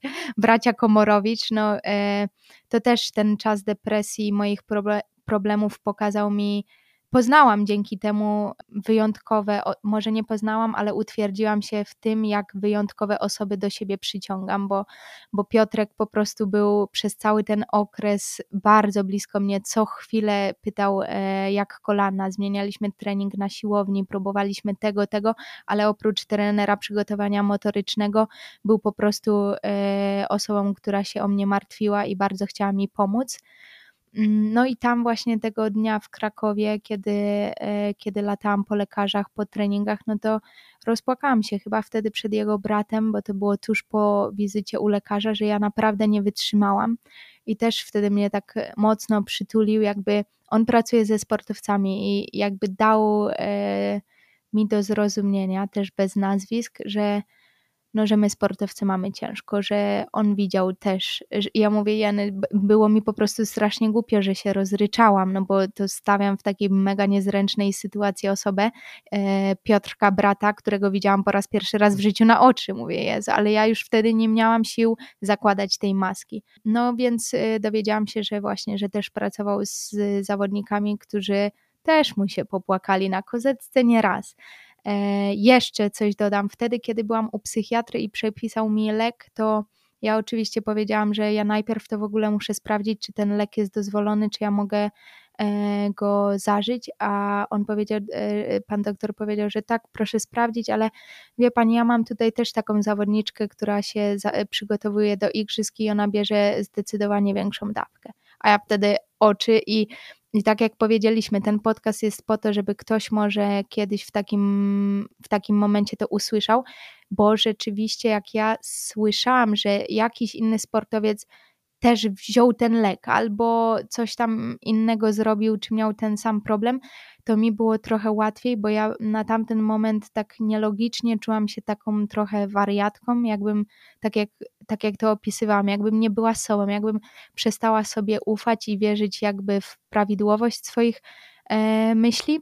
No, znowu zmieniłam temat, ale jeśli chodzi e, o moją mamę, to tak jak powiedziałam, za dużo starałam się jej nie pokazywać, aczkolwiek oni chyba mieli taką konspirację w domu, mama, tata, brat, bo brat przyjechał do mnie do Krakowa. Ja tam jak zwykle chciałam, że wszystko sama, ja sobie poradzę. Jeszcze wtedy nie miałam prawa jazdy, więc e, że ja sobie poradzę tu taksi, tu Uber, tu pociąg, coś, że dam radę pojechać i do kliniki w Bieruniu i tam do Piotrka Komorowicza na trening.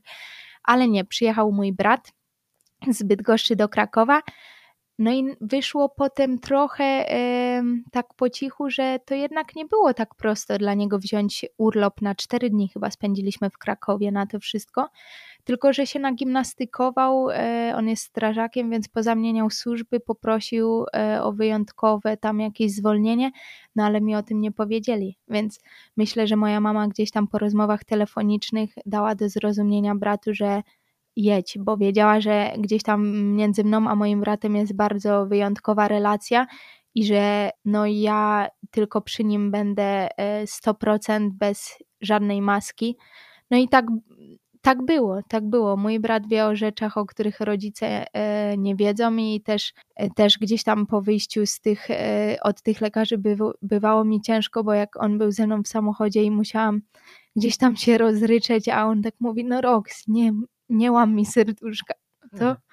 Oj, piękne rzeczy opowiadasz, bo to też pokazuje, jak ważna jest ta bliskość w rodzinie i jak to mocno e, pomaga. Słuchamy, moi drodzy, cały czas rozmowy z Roxaną Słupek. E, dużo tematów, ale też wydaje mi się, że po prostu Roxy czuje taką potrzebę, żeby dużo rzeczy z siebie e, dzisiaj wyrzucić. I tak jak się zastanawiam nad tym wszystkim, to myślę, czy ty miałaś Dwie rzeczy. Po pierwsze, bo ty jesteś osobą wierzącą i tego nie ukrywasz, czy masz takie poczucie, że ta wiara ci pomogła w pewnym momencie? Bo a propos takich podcastów, ja pamiętam, jak kiedyś Michał Koterski opowiadał właśnie chyba u Żulczyka i Strachoty, że był na milionie odwyków i na tych odwykach zawsze był prymusem i zawsze jak wychodził, to potem znowu coś zaćpał albo się napił. Jak go nawet kiedyś Kuba Wojewódzki w programie spytał, Misiu, ty tyle zarabiasz, czemu ty nie masz Ferrari? To on powiedział, że ma dwa, a jak Wojewódzki zapytał, jak to dwa, on pokazał dziurkę w nosie jedną i dziurkę w nosie drugą, że jedną Ferrari wciągnął tą dziurką, a drugą tą. E, I powiedział, że mu tak bardzo pomogła wiara, że kiedyś po prostu wyszedł już e, z tych odwyków, znowu się napił, czy tam naćpał i, i był tak bezradny, że gdzieś tam po prostu padł na kolana i powiedział, Boże, albo Ty mi pomożesz, albo, albo już nic więcej ze mnie nie będzie. Ja miałem go jako gościa w kanale sportowym, czytałem jego wstrząsającą książkę i tak jak sam specjalnie wierzący nie jestem, tak muszę powiedzieć, że mi się bardzo podobała ta historia jego nawrócenia i tego, jak on o tej wierze mówi, bo mówi w taki sposób, nie jakby chciał nawrócić wszystkich wokół, ale jak bardzo mu pomogła, więc ja też dzisiaj długie pytania i długie wypowiedzi, ale to chyba jest taka rozmowa, więc wybaczcie. Więc po pierwsze, jak ta wiara ci pomogła, tego jestem ciekaw.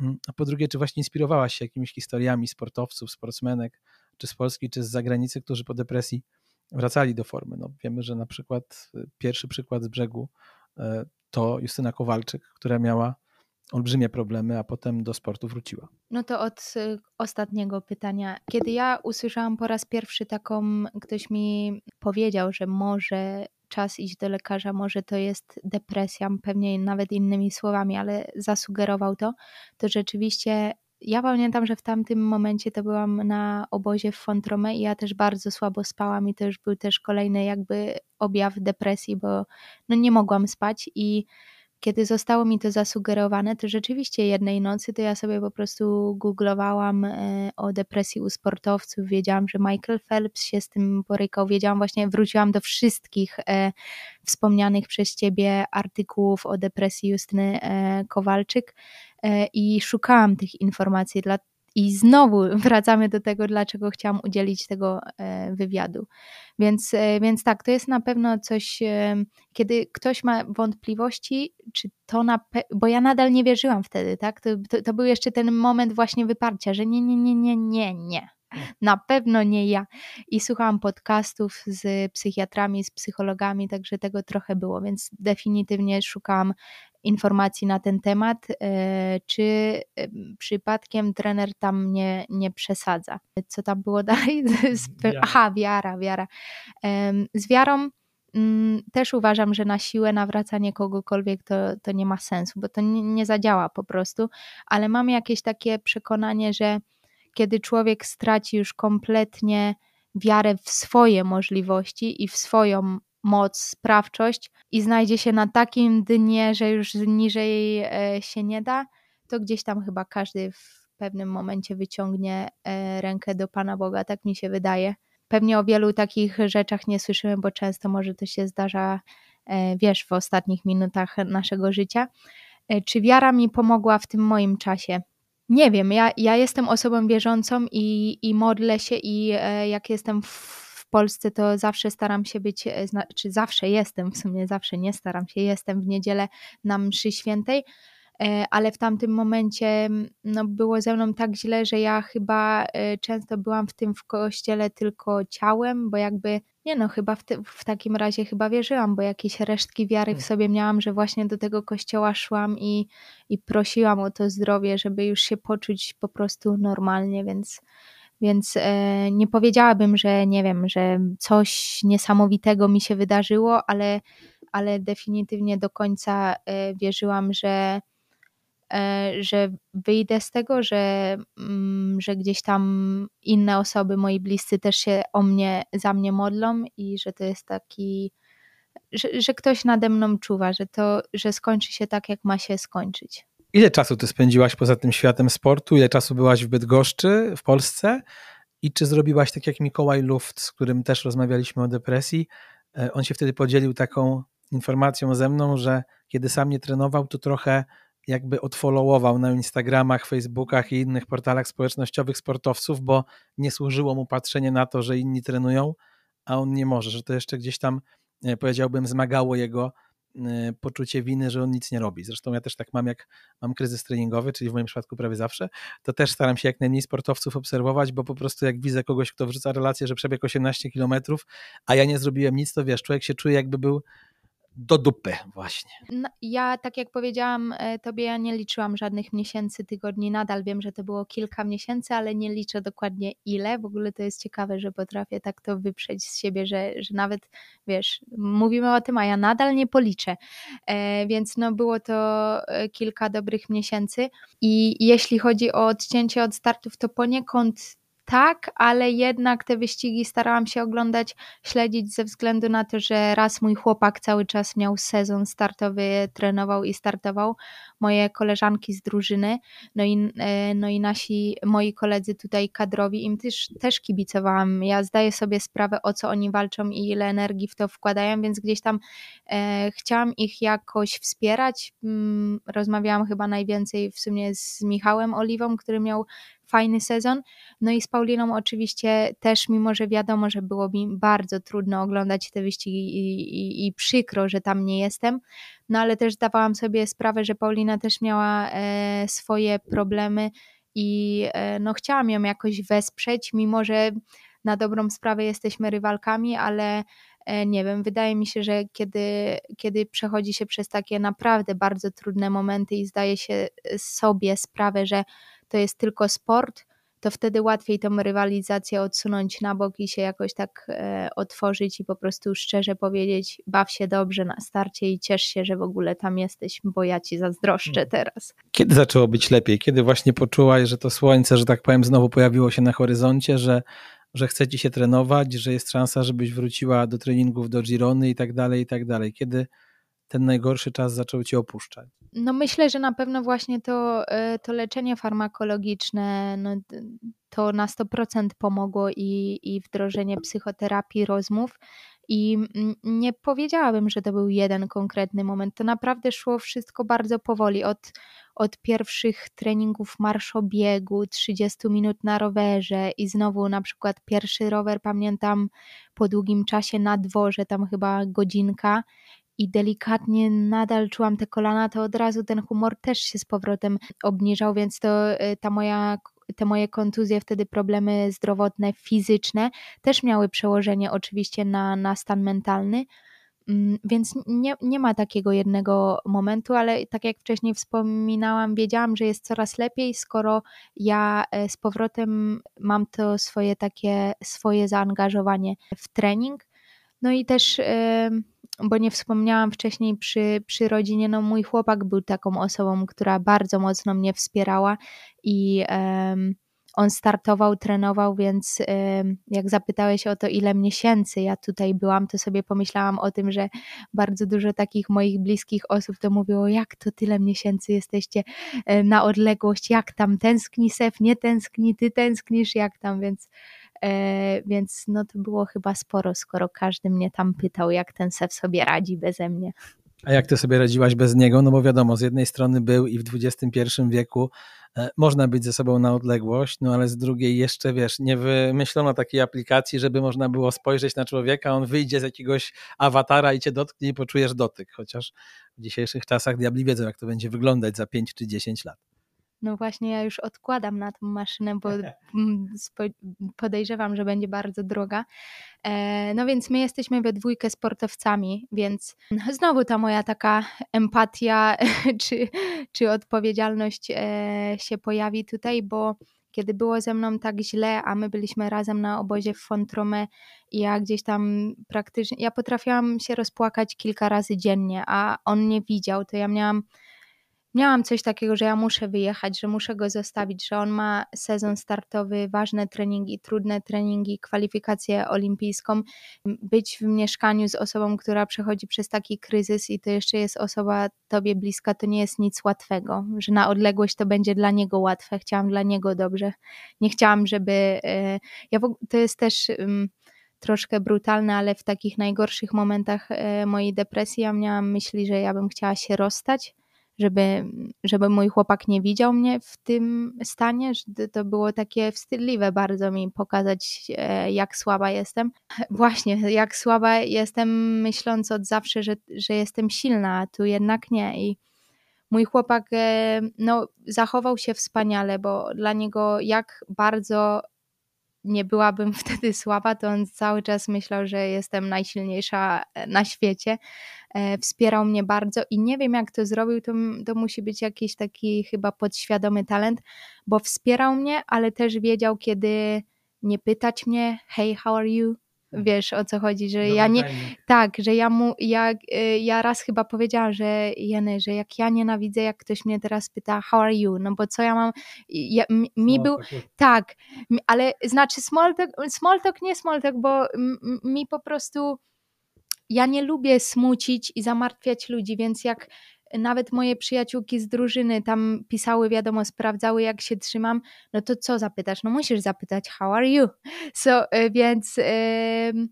Więc e, mi było źle i przykro, że od kilku miesięcy, bo ja też mam gdzieś tam znajomych, tak jak taka rodzina w Nowej Zelandii, u której mieszkam i oni co chwilę gdzieś tam do mnie się odezwą, że przez kilka miesięcy, miesiąc w miesiąc ja musiałam odpowiadać, że jest do D tak naprawdę. I to mnie męczyło, więc mój chłopak też wiedział, kiedy już nie pytać. I się śmiałam potem, jak już się zaczynałam coraz lepiej czuć, że on tak wyczuwa, kiedy zapytać to how are you doing?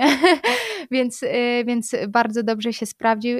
I też tutaj jeśli chodzi, e, no wejdziemy mocno na prywatne sprawy, ale ja kiedyś byłam bardzo, bardzo mocno zakochana w pewnej osobie i bardzo, bardzo mocno mnie rozczarowała, bo tak naprawdę o, o, o pierdołę, ale gdzieś tam ja y, reprezentuję takie mocne wartości, jeśli chodzi o osoby najbliższe, najbliższe mi. No i gdzieś ta osoba mnie um, rozczarowała, bo w, w takiej błahej sprawie nie stawiła się za mną. To była błaha sprawa. A w tej osobie byłam naprawdę, wiesz, to było jedno z tych zauroczeń, że idziesz full gas, bo jest po prostu bratnia dusza, no idzie tam się na maksa. No i mnie rozczarowała, tak jak powiedziałam. A z Sewem było zupełnie na odwrót, że my jak się poznaliśmy gdzieś tam, e, on mi się podobał, ale nie jakoś, wiesz, nie było tego wow, nie było jakichś motylków w brzuchu, ale powoli, powoli się poznawaliśmy. A jeśli chodzi o związek, to jak to się zaczęło, my e, w lutym będziemy ze sobą 3 lata i jakby przez te 3 lata ja zakochiwałam się coraz bardziej i doszłam do momentu, gdzie, tak jak mówiłam o tym poprzednim chłopaku, że tam było boom od samego początku i zakochanie, zauroczenie, level po prostu najwyższy z możliwych tak tutaj myślę, że, że to poczucie bezpieczeństwa i wsparcie, które mi e, dał SEF na przestrzeni tych kilku lat, spowodowało, że ten poziom zakochania jest dużo silniejszy i dużo wyższy niż to, co było tam przez chwilę i zostało zepsute taką naprawdę błahą sytuacją, a tutaj mój chłopak w momencie, kiedy ja miałam myśli, że ja bym chciała się rozstać, że, że, na chwilę, oczywiście to było na chwilę, żeby po prostu ogarnąć się i żeby on mnie widział w tej mojej okej, okay, może nie najlepszej wersji, ale okej okay wersji, a on mnie chciał taką właśnie do D, kompletnie do dupy, rozwaloną psychicznie, płaczącą, nie, nie mającą sił na nic i on mnie e, nadal taką chciał i nadal był przy tym silny, to mi naprawdę teraz, jak o tym mówię, nawet tobie na głos, bardzo zaimponowało i, i, i umocniło nas, nasz związek. A o tym teraz mówię to głośno i sobie zdaję sprawę po raz kolejny, ale pierwszy raz zdałam sobie sprawę, kiedy rozmawiałam z moim bratem singlem o jego e, e, sprawach i mówił, że no wiesz, no jeszcze nie poznałem nikogo, kto by mnie tak wow, nie? Od pierwszego wejrzenia, że tak powiem, prawie. A ja mu wtedy powiedziałam, wiesz co? Ja myślę, że to wow to nie jest zawsze najlepsze, bo ja to wow przeżyłam i nic mnie bardziej nie bolało niż to wow.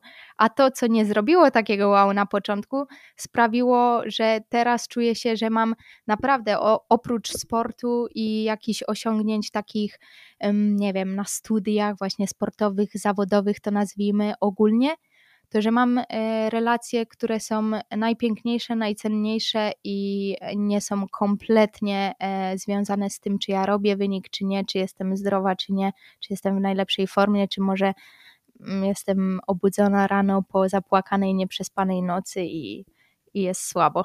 Czy ona ma 24 lata? Co za poziom dojrzałości? Bardzo dobrze się Roxany w tej sytuacji słucha. Ja myślę, że to jest też naprawdę wielkie szczęście dzisiaj, to o czym mówisz, mieć kogoś, kto jest dla ciebie tak bliski, kogo no, siłą rzeczy sprawdzono, sprawdzono w takich trudnych sytuacjach i wiesz, że, że na tej osobie po prostu możesz polegać i myślę, że gdzieś tam nie jedna osoba z tych, które nas dzisiaj słuchają, może ci pozytywnie zazdrościć, bo, bo po prostu albo kogoś takiego jeszcze nie spotkała, albo może spotkała, coś się gdzieś tam, albo spotka dzisiaj wieczorem.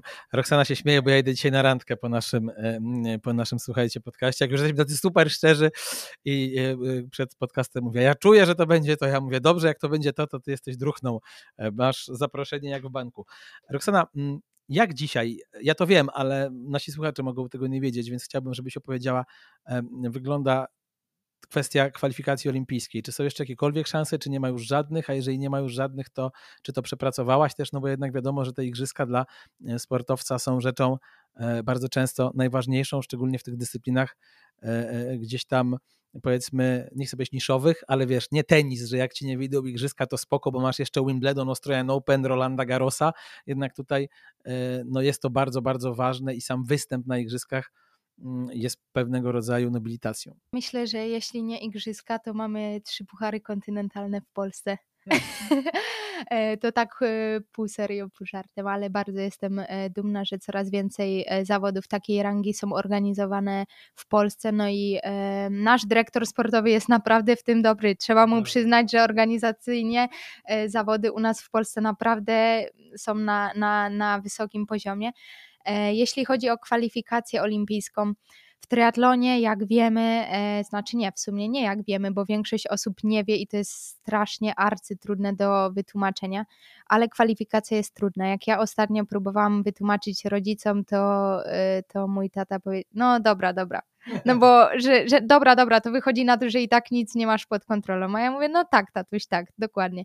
Bo e, na, mm, na kwalifikację olimpijską składa się ileś wyścigów, a tak jak wiemy, u mnie, nie wiem ile, nie liczyłam, kilkumiesięczna przerwa, rankingi bardzo, bardzo poszły w dół, czego też ja nawet nie sprawdzałam do, do swoich pierwszych startów e, po, po tym kryzysie e, na pucharach kontynentalnych. No i teraz sytuacja wygląda tak, że w zależności od tego, ile będzie startów Pucharów Świata w następnym sezonie, od tego zależy, czy jeszcze mam szansę, czy nie. Jeśli będzie ich dużo i ja będę zdrowa, to wtedy są te szanse. Jeśli będzie ich niewystarczająca ilość, no to co bym nie zrobiła, no to po prostu fizycznie będzie to niemożliwe, bo zbyt długi okres e, przerwy od startów miałam. Także to jest ciężki, trudny temat, ale mm, to, co gdzieś tam mnie pociesza, to to, że właśnie, że dziewczyny e, startujące na igrzyskach często mają ponad 30 lat, a ja mam 24 nadal, więc mam nadzieję, że jeszcze po tym jeszcze jeden i może dwa cykle olimpijskie e, uda mi się zrobić no i w to mocno staram się wierzyć. Mówię to na głos, bo może wtedy też mm. sobie to zakoduję w głowie, bo też gdzieś tam ja mm, myślę, że poziom sportowy i to jest smutne, bo nawet to zobaczyłam teraz na tych dwóch pucharach Afryki, które wygrałam. Na tym drugim e, były zawodniczki, które w ostatnich tygodniach w Pucharach Świata zajmowały top 15, no i że tak powiem, no tam w minutach były za mną na tym starcie. Wiadomo, że to jest zupełnie inna dynamika e, startu, nie można tego tak e, porównywać, można dużo więcej błędów zrobić, tak jak ja. Znowu pianki nie mogłam na przykład ściągnąć i na, na WTS-ie to by mnie już zdyskwalifikowało w ogóle z walki o bardzo dobre miejsce, a tutaj miałam czas, e, więc, więc spokojnie. To, to przypominało, przypominało bardziej rywalizację na dystansie długim w triatlonie, czyli to, czego tak naprawdę tym zawodnikom zazdroszczę, że to, co się wytrenuje, to naprawdę w dużej mierze masz szansę pokazać na zawodach, a w ITU niestety e, tak nie jest, więc no, udawało mi się mm, prezentować poziom wyższy niż zawodniczki, które w ostatnich tygodniach były na startach e, Pucharów Świata e, dosyć wysoko i one są w symulacji olimpijskiej i prawdopodobnie tam pojadą, więc to jest takie fajne i niefajne, że wiem, że poziom sportowy, aby ścigać się na igrzyskach mam, no ale czy, czy zdrowie i gdzieś tam łód szczęścia z tą ilością startów mi na to pozwoli, tego nie wiem, no i nie mam pod kontrolą. Tutaj e, taka myśl mnie rozbawiła, kiedy Powiedziała Roxana, że miała problem ze ściągnięciem pianki, że większość moich kolegów age grouperów jak się zapuści, to ma problem, żeby ją założyć, a konkretnie zasunąć i dopiąć. Pozdrawiam między innymi Gdynię i Krzysia Dietricha, któremu kiedyś próbowałem przed zawodami za 20 minut założyć piankę i było to jedno z trudniejszych triatlonowych wyzwań w mojej karierze. Na szczęście zakończone sukcesem. Mm, wracasz do Girony, wracasz do treningów.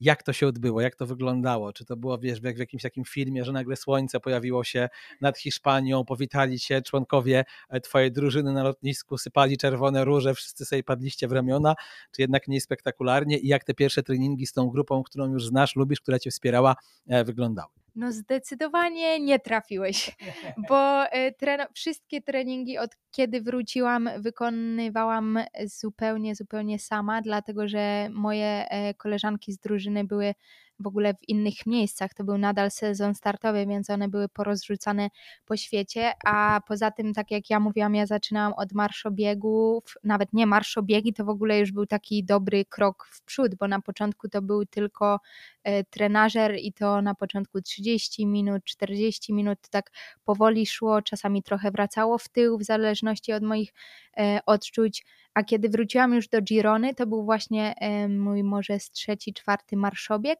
i tam to przyspieszyło wyraźnie, ale wszystkie treningi robiłam sama. E, co było dobre, zaczęłam mm, co jest taką nowością u mnie, to zaczęłam naprawdę cieszyć się z każdego jednego treningu, nawet w samotności, co jako pływaczka pływania samemu po prostu nie, nienawidziłam. Czułam, że jestem jakby mm, znowu taki mój perfekcjonizm, że ja tam nie jestem wystarczająco e, dobra, jak trenuję sama, że potrzebuję kogoś obok albo kogoś patrzącego na mnie, że wtedy mniej się męczę, a płynę szybciej, czyli jest lepsza efektywność, czyli jest wszystko lepsze. A teraz nauczyłam się no też to jest e, warte podkreślenia, że ja nie zwracałam uwagi na żadne tempa gdziekolwiek, czy na pływaniu, czy na rowerze, czy, czy na biegu. Myślę, że też trener, e, kiedy się zaczęły, bo trochę przeskoczyłam mocno, ale kiedy zaczęły się jakiekolwiek treningi, że coś tam było, na przykład, nie wiem, kilka sprintów, czy tam trochę na rowerze takiego pobudzenia, e, to ja nigdy nie miałam żadnych watów, tylko trener pisał, że na przykład tam rosnące tempo, czyli wiedział też, że no nie można mi teraz powiedzieć, co ja mam zrobić, bo my nie wiemy, na co mnie stać. I tak było do, e, do pierwszego startu.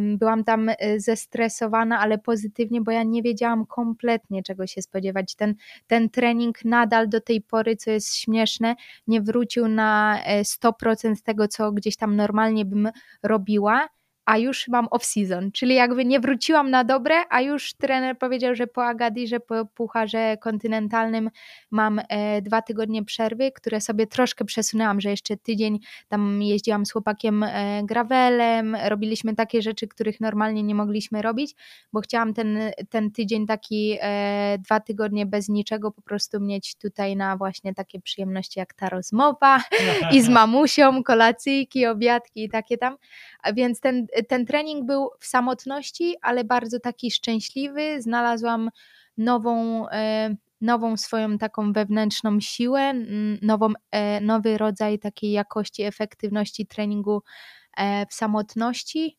mm, nauczyłam się troszkę bardziej słuchać mojego ciała. Przestałam się bać też zrobić czegoś czasami mniej, albo właśnie, no właśnie, y, głównie tego mniej, chociaż, y, chociaż y, to jest śmieszne, no bo ja miałam te treningi naprawdę krótkiej, tak jak gdzieś po y, występie w Agadirze dałam znać, czemu miałam kolkę na starcie, bo słuchajcie, mój najdłuższy trening przed tym startem, od powrotu po kontuzji, to były planowo na, na rowerze 2 godziny 20 albo 2 godziny 30. To był już taki max, max, bardzo dobry, długi trening, czyli tak jak mówię, to nadal nie jest nic w porównaniu do tego, co bym robiła normalnie. Więc ja na tych treningów nie brałam żeli a, bo, bo były krótkie. A na dystansie olimpijskim na starcie wzięłam, e, miałam w o, tip dla amatorów, bo oni lubią, to może, może ktoś tak. więcej posłucha. Musisz to w tytuł dać, że zdradzam, co, ile zjadłam na starcie. Więc w jednym bidonie na dystanie, dystansie olimpijskim miałam saszetkę e, węglowodanów, e, w drugim bidonie wodę i na rowerze przyczepione dwa żele i jeszcze ten jeden żel sobie tak włożyłam pod strój, żeby mieć na bieg w razie czego. Więc tych węglowodanów było zdecydowanie za dużo, jak na to, że ja po prostu przez tyle miesięcy tego nie trenowałam. I pierwsze kroki biegu na starcie to była jakaś masakra. Od razu kolka, od razu miałam te swoje myśli, że tutaj nie mogę nawet z przewagą, bo ja tam zrobiłam ucieczkę z taką Japonką na rowerze, że nie mogę czuć się pewnie, e, bo nie wiem, czy ta kolka mi odpuści, czy nie. Więc tutaj lekcja. Nawet jak się trenuje krótko, to jednak przed zawodami ten brzuszek i przyswajalność e, dużej ilości węglowodanów trzeba przećwiczyć. To byłby chyba najdłuższy tytuł w historii, gdybym te wszystkie żale, które żeś wymieniła, wrzucił w niego. Ja miałem inny tytuł, nie wiem, czy będzie się podobał. Mm, wygrana walka z depresją, kropka, nie musi być pięknie, żeby było dobrze. Hmm? Coś takiego? Ta druga część mi się bardzo podoba. Y, nie wiem, czy pierwsza by się zgadzała z tym, co mówiłam, że ja nie chciałam okay. z tego robić takiej medialnej, e, wiesz, takiego szopki, ale ale z drugiej strony myślę, że to słowo chyba musi tam paść, dlatego że jak ja szukała, jak ja szukałam materiałów, to no co wpisałam? No wpisałam to słowo, więc myślę, że to po prostu jest konieczne, żebyśmy wpisali, a też jeśli e, ktoś naprawdę będzie potrzebował pomocy, czy ktoś naprawdę będzie chciał mnie ocenić, to jednak przesłucha e, tego nagrania i, i będzie wiedział, że intencja to nie jest szopka, tylko, tylko po prostu może próba jakiejkolwiek e, pomocy. No długo gadamy, ale dzisiaj absolutnie jest o czym rozmawiać. Jeszcze mi się parę tematów e, nasuwa. W którym momencie przyszła ta decyzja o tym, że jednak jedziemy na te starty w pucharach kontynentalnych? Czy czułaś bardziej stres wtedy, czy bardziej ekscytację, że wracasz do ścigania?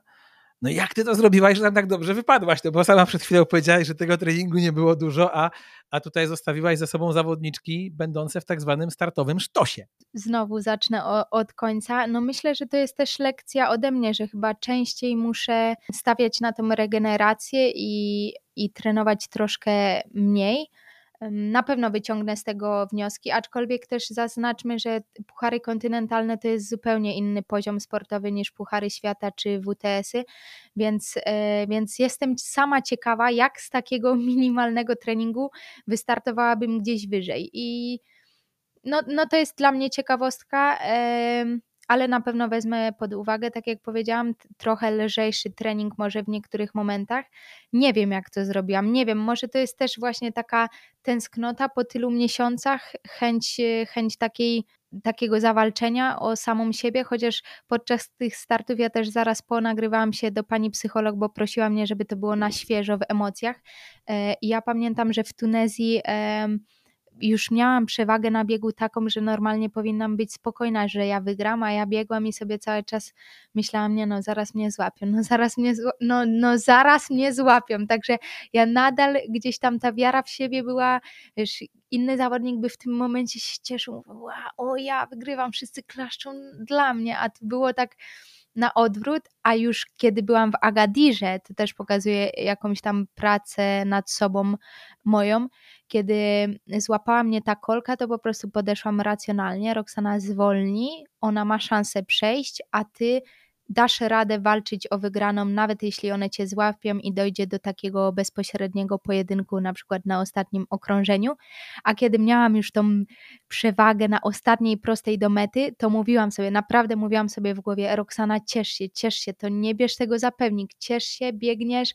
Polaków tam krzyczeli do mnie Lewandowski, Polaków tam było troszkę, bo. E, bo to jest taka chyba popularna turystyczna e, miejscowość właśnie dla, dla naszych rodaków, więc krzyczałam, y, słyszałam też polskie oklaski i muszę powiedzieć jedną historię wspaniałą, to właśnie jak ja przyciągam świetnych ludzi do siebie, bo po starcie podszedł jeden e, Polak do mnie i tak miło tam zapytał, co ja trenuję, jak to tam wygląda. Potem odszedł i przyszedł znowu i powiedział tak, wciskał mi coś w rękę i mówi: Ty się nie obrażaj, nie uraź się, nie uraź się, ale no ja już nie wspieram piłkarzy, ale wiem, jak wy sportowcy macie ciężko. No idź sobie na ten e, haman, tak ten masaż się nazywa. Mówi: Zrób coś dla siebie. Mówi: Ty musisz podróżować, e, korzystać z tego, że gdzieś jesteś. Nie tylko sport, korzystaj, eksploruj, takie rzeczy mi mówił. I wciskał mi coś w rękę. Oczywiście wiedziałam, że to zapewne e, jakiś pieniążek. Mówię: Nie, nie, nie, on, nie obraź się, ale bierz, idź na, idź na masaż, nawet dwa. No i słuchajcie, 100 euro mi wcisnął w rękę, więc nie chodzi tutaj jakby o, o kwotę, ale o sam fakt, że to było niesamowicie miłe. A drugą taką rzecz, co można zobaczyć sobie na, na moim e, Instagramie, czy chyba na Facebooku też, to co było dla mnie piękne, było takim symbolem to dziewczynka, mała dziewczynka, która tego samego dzień wcześniej, przepraszam, e, stanęła na podium w pucharze, nie w pucharze, po prostu w mistrzostwach e, Afryki. I e, nie, nawet nie pamiętam, ile miała lat, no ale mała dziewczynka przyszła do mnie, zapytała, czy może mi dać prezent, i wyciągnęła taką przekolorową bransoletkę z dwoma uśmiechami, którą sama zrobiła. Założyła mi ją na rękę i zapytała, czy możemy sobie zrobić zdjęcie. Ja po tym, co przeszłam, po tym, co wiedziałam, co dla mnie ten start w Tunezji, czy potem w Agadirze znaczył, jak zobaczyłam tą kolorową bransoletkę z dwoma uśmiechami, to naprawdę wiesz, uśmiechnęłam się tak głęboko w sercu i, i gdzieś tam ta dziewczynka, no mamy czasy internetu, więc e, napisała do mnie na Instagramie, e, zamieniłam z nią kilka słów. Ja wtedy nawet nie wiedziałam, że ona trenuje, że ona startowała dzień wcześniej, ale zapytałam, czy ona trenuje, czy lubi triatlon i ona mi odpisała, że, że tak, trenuje, bo chciałaby kiedyś być taka jak ja. No i to było, to jest jedna z tych historii, gdzie właśnie trzeba na końcu powiedzieć o. No zdecydowanie, dużo dzisiaj takich historii e, z Roxaną Słupek, e, myślę, przeszliśmy. E, możemy to jakoś podsumować, bo zacząłem chyba, zacząłem od tego, jak rozmawialiśmy, że to był bardzo trudny rok, ale momentami piękny i o to mi chodziło, nie, że oczywiście miałaś depresję, ale że te wszystkie przejścia doprowadziły ci do tego momentu, w którym jesteś dzisiaj, że ja widzę uśmiechniętą, zadowoloną dziewczynę, która wygrała dwa puchary kontynentalne, która znowu wierzy w ludzi, która przyciąga do siebie dobrych ludzi e, i która myślę, że ciągle jest, wiesz, e, tak naprawdę na początku swojego życia i to i sportowego, bo 24 lata to ciągle nie jest jakoś specjalnie dużo, chociaż rzeczywiście są tacy kozacy jak e, Jude Bellingham, Hala Madrid, jako kibic Realu tutaj mówię, jest od ciebie 4 lata młodszy i ciągnie za uszy cały Real Madryt, no to zdarzają się takie jednostki jakieś super wybitne w wieku 18, 19 czy 20 lat, no ale ale myślę sobie, że na koniec ten rozrachunek e, jest na plus, bo, bo, bo to wszystko poszło mimo wszystko dobrze.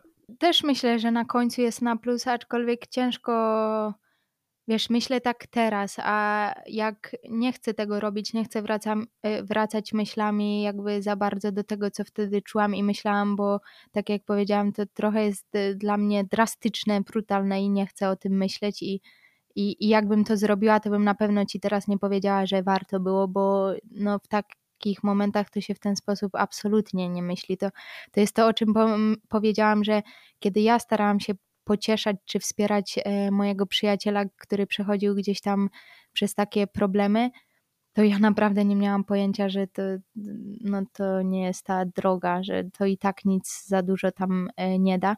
Ale mam taką propozycję, żeby zostawić ten odcinek bez podsumowania. Mhm. Żebyśmy po tej rozmowie, kto chce e, co sobie wyciągnąć, co. No właśnie, bo my często dostajemy coś tak podane na tacy, nie? Podsumowanie, w ogóle tam spis treści na początku to będzie o tym, to o tym, to o tym. to jak e, ktoś sobie przesłuchał i wyciągnie coś wartość, ma wyciągnąć coś wartościowego, to to wyciągnie i zostawmy bez podsumowania, żeby trochę w tych czasach się zmusić do tego treningu mentalnego i, i pomyśleć, a nie, a nie rzucać hasłami. I to jest najlepsza możliwa puenta. Myślę, że jedna z najważniejszych rozmów, jakie ostatnio przeprowadziłem. Ja mam też w tym sezonie Trigapy szczęście do ludzi, którzy bardzo dużo przeżyli. Przypomnę o Bartku Nowickim, czyli gościu, który wyszedł z uzależnienia od alkoholu i narkotyków. Przypomnę o Oli Bańbor, nie wiem czy słuchałaś, ale. Ola jest nieprawdopodobną osobą i to jak ona bierze na klatę e, wszystkie rzeczy, jakie... Ja bym chciała pozdrowić Ole, bo to też, no wtedy, kiedy wy nagrywaliście ten odcinek... Um, ja nie wiem, czy, ja chyba do końca przesłuchałam, albo miałam, bo ja sobie na rowerze, jak tak w samotności jeździłam, to, to słuchałam wielu e, rzeczy. No ale kurde, nie wiem, kobieta petarda to jest mało powiedziane. Kolejna osoba, która mnie bardzo e, zainspirowała, kurczę, nie chcę przekręcić nazwiska, ale nasza par, paratriatlonistka Marta, e, pamiętasz, Dzięciołowska? Nie chcę prze, przekręcić. Kurczę, no niesamowita też jak ja zobaczyłam jej historię, bo nie, follow, nie followowałam jej na, e, na Instagramie i gdzieś nie wiem, czy mi coś polajkowała, że ja mówię, o, sobie zobaczę. I ona miała tam w zakładce jak, e, jakoś przedstawioną tą historię, jak ja to zobaczyłam. No to Marta, jeśli będziesz tego słuchała, zresztą ty wiesz, bo ja, ja, odra- ja byłam wzruszona i ja napisałam, że po prostu podziwiam. W ogóle też y, a propos przyciągania, ona potem była w Gironie, jej wysyłałam, gdzie ma na rower jechać. No to zaimp- zaimponowała mi, mi ta kobieta, obydwie one. E, kolejny raz uważam, że po prostu kobiety to są no, petardy. Przepraszam cię, Kamilu, ale jesteśmy silniejsze czasami. Naprawdę chyba jesteśmy czasami mentalnie takie przekozaki, że, że to jest e, szok. No i e, te dwie dziewczyny są absolutnie też osobami, e, którymi można się jakoś wesprzeć e, i, i wziąć przykład, no bo tam to, co się przydarzyło Marcie, no to na, nie, nie, mam w sobie na tyle pewności siebie, a zwłaszcza po tym, co się u mnie wydarzyło w ostatnich miesiącach, żeby powiedzieć, że ja bym była równie silna. No.